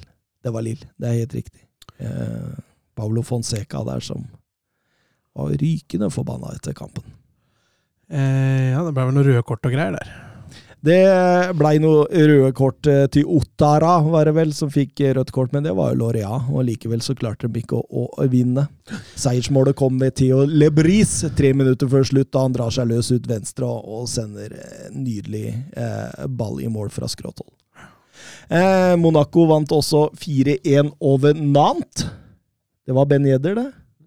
Du kjempa jo hardt, Søren, for å få han inn i beste elver ja, utenfor. Hardt og hardt. Jeg foreslo han. Men hva er det du liker med Ben Yedder, da? Nei, han, er jo en, altså, han er jo en spiss, en målskårer. Han, uh, han bøtter jo inn uh, mål sesong etter sesong etter sesong og holder seg på konstant godt nivå, da. Mm. Og tenker jeg, Det er jo det er en prestasjon i seg sjøl, det. Det er det. det er absolutt. Tenk hvor langt bak allikevel han er Erling Haaland. Ja, det er helt sykt. Veldig langt bak Erling Haaland. Veldig, veldig langt. Men Monaco også har jo fått fart på det og har kommet seg opp på en femteplass, men rett bak Lance som slo Lyon 1-0 etter straffespark av Sotoka eh, åtte minutter før slutt. Og toppnivået til Lance, det er skyhøyt, altså. Det er skyhøyt. Det blir spennende å se her. Den mener opp en XG på 3,08 med 0,13 til Lyon ja. i denne kampen her. og ja, Det er rundspilt. Det er rundspilt, rett og slett. Men det er litt gøy å se at Cherky har begynt å få spilletid. Han var en sånn FM-favoritt uh, for et par år siden. Mm. Det er klart, Nå har han vel passert 17 år, så han uh, begynner å bli gammel. han begynner å bli eldre. Da. men, men, men, det, men, husker du ikke vi snakka om Lyon, at det skal det endelig lykkes for Peter Bosch? Nå har det sett mm. så bra ut. Lacassette inn, Tolisso inn, og så, og så faller de nedover på tabellen igjen. Altså, Peter Bosch det, det, er jo, Når vi snakker om trenere med et tak, da har vi en trener med et tak. ja, det er neste Wolfsburg-treneren. Å oh, nei, nei, nei, nei, nei, nei, nei. Så jeg inn i krystallkula nå, eller, Mats? oh, det, vet du hva, det hadde ikke forundret meg, fordi han spiller en helt annen type fotball. Igjen. ja, det er perfekt, perfekt for Wolfsburg! ja, det er nydelig, nydelig. Um, nei, skal vi ta Europa i hjørnet, gutter? Ja. Bra jobba, gutta! Bra ball! Nei! Ah, grei offside. Tor Håkon, den er grei.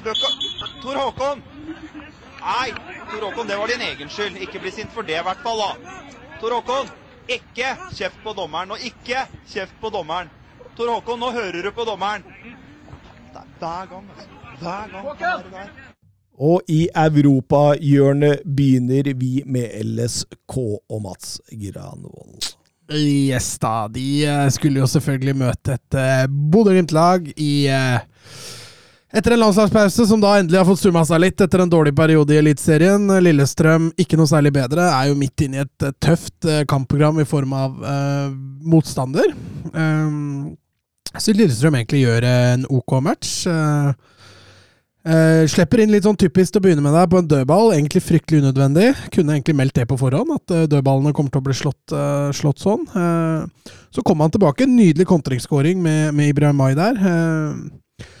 og så utover i andre omgang, når de først får 2-1 på nok en grusom offside-avgjørelse, så virker det som lufta går litt ut. Og, og selv om det blir en stillingskrig, så kan da Bodø-Glimt bytte inn Hugo Vettelsen, og han har et nivå som er Det er for bra for Eliteserien. Og han kriger inn uh, både 3-1 og, og, og ressurserer også 4-1, og det Nei, det var selvfølgelig en, en fortjent Bodø-Glimt-seier, men, men allikevel litt, litt, bittert at man ryker på den. da.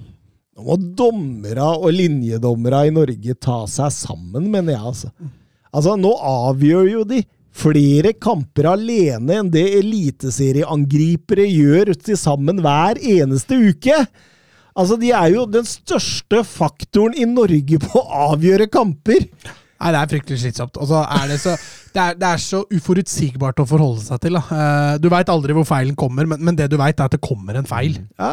Uh, og det, det er uh, Altså, det, det, det offside-målet, det 2-1-målet der mm Altså, det er, det er noe av det verste jeg har sett av en linjedommer noen gang. Det skal ikke være mulig! Hadde, Altså, du jobber med dette! Har du sett det for to uker siden på Lerken? da, Ja, nei, det er verre, ja. Det Det er, faktisk- det er faktisk verre. Jo, men, men, men, men der er jo altså, Der er det i hvert fall litt bevegelse. Her står jo Altså, han, er jo, han står jo offside hele veien! Ja, han står jo da i tre minutter. Nesten. Altså, Hvordan du ikke klarer å plukke opp det, da må du tenke på hva du skal ha til middag, eller et eller annet sånt. altså. Hva kona driver på med hjemme. Du, du kan jo ikke være hjemme i fotballkampen i det hele tatt! Og det der er ekstremt dårlig Altså, det er så mye dårlig dømming, og det er ikke bare LSK. det, Jeg sier ikke dette fordi jeg mener at uh, Lillestrøm hadde hatt noe spesiell sjanse her, og Bodø-Glimt er jo et klart bedre fotballag enn Lillestrøm. Men altså, de, du setter jo standarden eh, Altså, VAR må jo inn der fortere enn noe annet, så kan man fjerne dommerne fra banen! Og så kan man bare ha VAR! Må jo være en der ute som løper og blåser i fløyta, da. Ja, men faen, altså. Det kunne jeg gjort. jeg melder meg! Nei, men dette blir for dumt. Dette blir for dumt, altså. Nå, nå avgjør de hver eneste fotballkamp jeg ser på. Altså, jeg ser ikke så voldsomt mye Eliteserien. Jeg ser stort sett det som er av Lillestrøm, og så ser jeg hvis det går en sånn overskuddskamp klokka åtte eller et eller annet sånt, så bikker jeg inn på den. Og det er jo liksom Altså, det er jo mer normalt at dommeren driter seg ut, enn det er at det blir skåret et mål. Altså, jeg ville heller Hvis jeg skulle tippa på oddsen, så hadde jeg tippa heller på dommertabbe enn at det ble scoring i kampen. Oddsen for det er lavere. Er, Ja, ja, ja. Nei, det er riktig. det. Det er, det er fryktelig dårlig standard. Og så er to norske dommere ble tatt ut til å dømme Han SK skal Ja. dømme Champions League. Og Sagi skal ut i Conference Conference. League. Ja. Tror dere dette går? Nei, nå har de jo VAR, da. Der har de jo VAR og lent. Ja, Eller har de det i Conference League? ja, jeg tror det. Ja, de har vel fått det. Men det er Nei, dette er, dette er Men jeg trodde norske dommere var uaktuelt, jeg, på grunn av vi ikke har VAR i Norge. Men det er kanskje ikke det? De burde være uaktuelle på, på alle andre grunner enn at vi ikke har VAR. At de er fullstendig håpløse hele gjengen. Ja, det Der burde vel grunnlaget ligge! Men allikevel, da, oppførselen etter matchen blir kasta ting på banen. Og Ja, det er unødvendig. det er en uting, altså. Ja, det, det, altså det, det er ingenting som unnskylder dette, altså. Nei, Det er litt sånn Åråsen har alltid vært litt sånn Hvis dommeren er ekstremt ræva, så da, da er det er ubehagelig å være dommer, tror jeg, altså, Ja. eh, på Åråsen. Eh, det blir et voldsomt kok. Mm, det gjør det. Eh, altså Engasjementet hyller man jo selvfølgelig, men, eh, må, men, men aksjonen med å kaste ting Ja, på banen er jo det, helt det, fins, forferdelig. det fins en grense, også. Ja, ja, utvilsomt. André Solberg skriver 'Jeg tror LSK kommer topp tre'. Hva tror dere? Eh, jeg tror ikke det. Jeg tror vi havner på femte. Eh, ja, det er jeg redd for òg. At Ja. det blir, eh, blir helt ned på femte. Nå er det Viking borte i neste, og så er det Molde hjemme etter der. Og, tar på tap. altså Får vi ett poeng på de to kampene, tror jeg vi skal være veldig fornøyd. Altså. Ja, den, den augusten, det altså at vi nå taper de, de vanskelige, uh, det så man jo litt komme, men den augusten, den har jo Ja, altså, vi, vi, vi, vi, Taper mot Jerv og uavgjort mot KBK. Og Ja, og altså. uavgjort mot Tromsø. Ja. Hedenstad Christiansen redder et poeng på over det. Altså, Ja, Det var jo der vi mista medaljene. Ja. Eh, at vi nå ryker for Bodø-Glimt og Viking og om Rosenborg og Molde, det kunne vi jo spådd eh, for lenge siden. Anders Hansen han ønsker seg en karakterbørs på Lars Ranger. På kampen nå sist? Mm. Ja, det var helt positiv retning nå. Han, han måtte jo revansjere det. Nå har han vært hakkekylling, holdt jeg på å si. Nå har han vært eh, hoggestabbe for alt av Lillestrøm-supportere siste ukene. Eh, men, men en liten revansje. Jeg syns han står mye bedre fram nå. Han, han virka mye mer til stede. Eh, han har tydeligvis hatt noen runder med Mette Rosseland, tror jeg, eh, for å få orden på psyken. For noe langt mer til stede i den kampen her, og da, da fremstår han jo bedre. Altså, han har jo fysikken til å spille bra. Han har jo alltid mangla litt tilstedeværelse og, og, og ferdigheter, men eh, Karakter, hva tenker han da? Én til ti, liksom? Ja? Eh, sekser.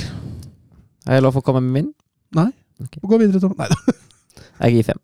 Ja, det var fem, ja. Ja, eh, Nå trodde jeg han skulle være vesentlig annerledes! nei, nei, nei. nei. grunnen, grunnen til femmeren Jeg er enig med alt du sier, eh, men han har fortsatt en del rusk i maskineriet. Det er noen innlegg som upressa blir slått eh, langt, langt bort dit de egentlig skal. Det, det er en sånn sekvens der han begynner å drible bak mot tre motspillere igjen. og han er, han er en av LSKs beste i den kampen, der, uten tvil, Eh, men det, det presterer med en femmer. Apropos rusk i maskineriet, han spør også om eh, hva vi synes til oppførselen til Amal Pellegrino. Eh, altså Det han driver med på banen, altså det innbyr jo til reaksjoner på tribunen. Mm. Også med tanke på historien han har. Spilt til Lillestrøm, var ikke Suttrunge der. Ja, var liksom var litt stjerne og, og, Mm. og Jeg kan ikke si ufin, men, men litt ubehagelig, kanskje. Eh, og så lirer du i tillegg av deg det etterpå og hinter liksom litt om til rasisme og sånn, og så viser det seg at det var ikke det i det hele tatt. Det var, noe, var, ikke, noe, var ikke så mye bedre, det som var, men Og da blir det sånne spekulasjoner da, som er så, er så dumt. Mm. At det blir sånn tullespekulasjoner. Eh, homohets er ikke noe bedre enn rasisme, det er ikke det jeg mener, men eh, det var jo det diskusjonen gikk på etterkamp, og det blei jo Altså, Nå har jeg sagt det før, at Bodø-Glimt øde, Bodø-Glimt-fansen ødelegger jo Twitter. Ja, altså, det- det, det er bare å logge seg ut. De er, de er overalt. Det er glimt av ditt og glimt av datt, og de mener i øst og vest. Og det, Altså, jeg Det- så, det altså, mener så. Blokkeringsknappen min den har fått føtter å gå på den siste tida. altså, synes jeg så synd på de, på de Glimt-supporterne som faktisk har vært der siden uh, tidenes morgen. Uh, han, som han som sto med tannbørsten? som faktisk oppfører seg på Twitter som normale folk. Fordi uh, ja. Ass, det meldes så mye i øst Ja, og vest, det- og det er så mye ubegrunna. Noe skjønner man jo er for å provosere, og, og det klarer man fint å bare scrolle videre. Man, man gir jo F i det, men så har du de som greier allikevel da, å lokke deg inn, liksom, og det Ja, jeg krangla med en på, på Facebook etter kampen. òg. Han mener at uh, alle folk på Østlandet manglet folkeskikk. Ja, det var en som, som lirer altså, at ras, altså, rasisme på Lillestrøm er greit. At alle syns det, liksom. Det er, Altså. det, Mye rart ute og går der. ah, altså, du bare feier alt og alle over samme kam, liksom. Men Bodø-Glimt begynner jo å få et omdømmeproblem blant folk flest. Ja, fordi altså, de, altså Du skal ikke sammenligne det med Molde, for det, det blir på en annen skala, men Men altså, vi, er beveger, vi beveger oss i den retninga. Altså, Altså, men den- altså, ikke, ikke, ikke, på, ikke på like ille grad da, enn den, det den klubben da har av historie. Men med tanke på, med tanke på varemåten. Litt sånn ovenfra ned. Eh, en sånn liten unnskyld, men en sånn liten egentlig tulleklubb som kom ut av ingenting. Eh, og som nå oppfatter seg som at de er også store og, kjærle, og, og mener sjøl at de er Norges kjæledyggere, mens alle egentlig bare ler litt av dem og blir eh, Og de går folk på nevene. Det er litt sånn, det er litt sånn ja. ja, Og så- men- Og så veit alle det, at når eh, Kjetil Knutsen pakker sekken og drar et annet sted, så kommer det der til å rakne fullstendig.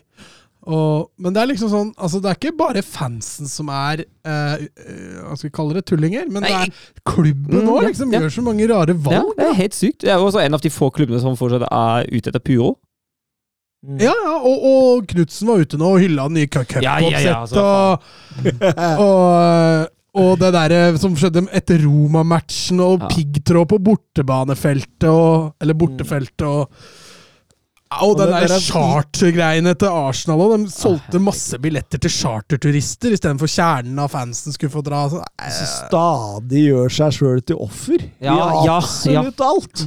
Ja, det, og det er så slitsomt. det, der er jo fansen like ille, da. Ja. Er bare ofre blant Bodø-Glimt-fansen. Skal vi ta Ajax, eller? Ja, det er ikke noe pent for Ajax om dagen, det heller. da. Eh, det hinta jo til at det var litt krise. Jeg tapte jo mot AZ før landslagspausen. Nå var det Go Ahead Eagles som kom på besøk, et lag de skal slå ti av ti ganger. Det ble 1-1. Eh, så kom jo den eh, famøse Napoli-kampen nå i går, så eh, nå må Schroida få, få litt grep på det, han òg. Har fått litt å tenke på. Ja, han har det. Eh, og jeg syns ikke det ser sånn superbra ut heller. Ja, Kudus han skårer selv om han ikke prøver. han. Så du det målet han hadde mot Napoli? ja. Han står jo bare der og blir skutt på i leggen, og så går de. Ja, mot, mot Go Ahead var det Klasen. Um, Ajax styrer jo. Uh, Go Ahead legger seg dypt. Det er jo litt sånn kampbildet blir. Men altså, da, da det så flytende Ten Hag, da posisjoneringa var bra under Ten Hag, da de spilte seg fram til mange store sjanser, sjøl mot dyptliggende motstandere, så er det her litt borte nå. Så, Eh, så mann-mann-prinsippet funka i Nederland, altså? Nei, det er ikke nødvendigvis det jeg sier. Men, um, men jeg syns altså jeg syns også det ser Det begynner å se litt, eh, litt dårligere ut, og det er nesten som om, eh, om laget glemmer det, det de kunne under Ten Hag, og nå får ikke Shoy det helt, uh, helt greia på det. For altså, det er greit, Gråhet er framme én gang på en overgang, og det er det de skårer på, tolv minutter før slutt. Og Ajax bør vinne den kampen, og Ajax har flest sjanser. Men det er, det er ikke det fyrverkeriet, det er ikke det, det offensive Ajax som vi kjenner til. Samtidig er man altså er det uoppmerksomt bakover og blind sklir på 1-1 og hele den pakka der. Det er et eller annet som ikke ser helt 100% ut, altså. Og det må Schroeder finne ut av. Og ja, vi får se om han gjør det, da. Det var tøft, den 6-1 hjemme i går. Det vil jeg tro.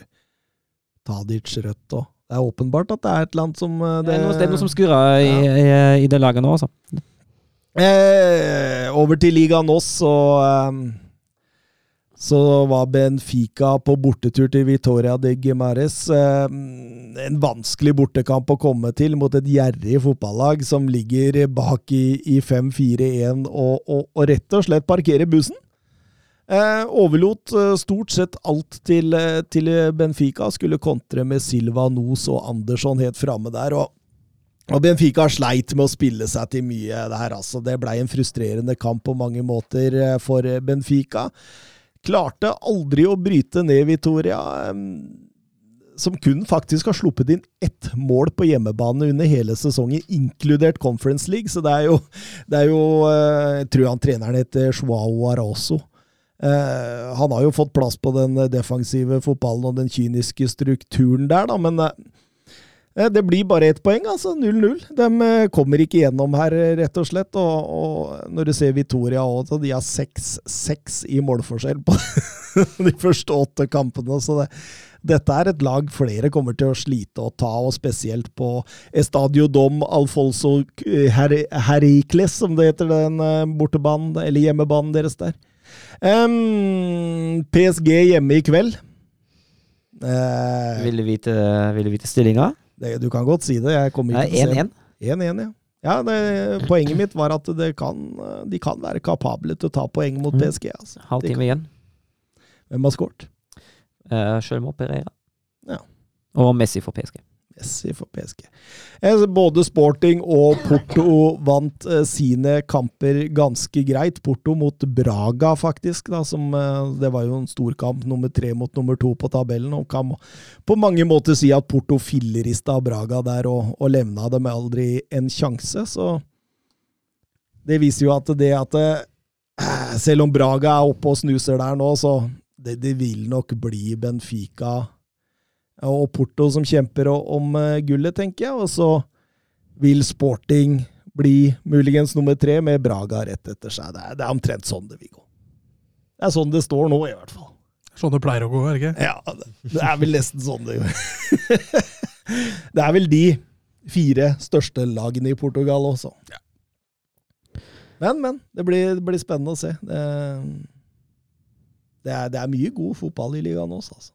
Ja, Det tviler jeg ikke et sekund på, med tanke på spillere som kommer derfra med jevne mellomrom. Det er jo egentlig det de viser i Europa nå, ja. at de, de, altså de nest beste laga mm. gjør det bra i Europa League og Conference League. Og. Så det ser veldig greit ut. Eh, var det tett, eller? Ja. Neste uke så vi må planlegge åssen dag, sånn at jeg kan sende av gårde til ja. Geir Halvor. Ja, det blir hyggelig, det. Da sier vi bare adios. Ha det. Messi. Surging forward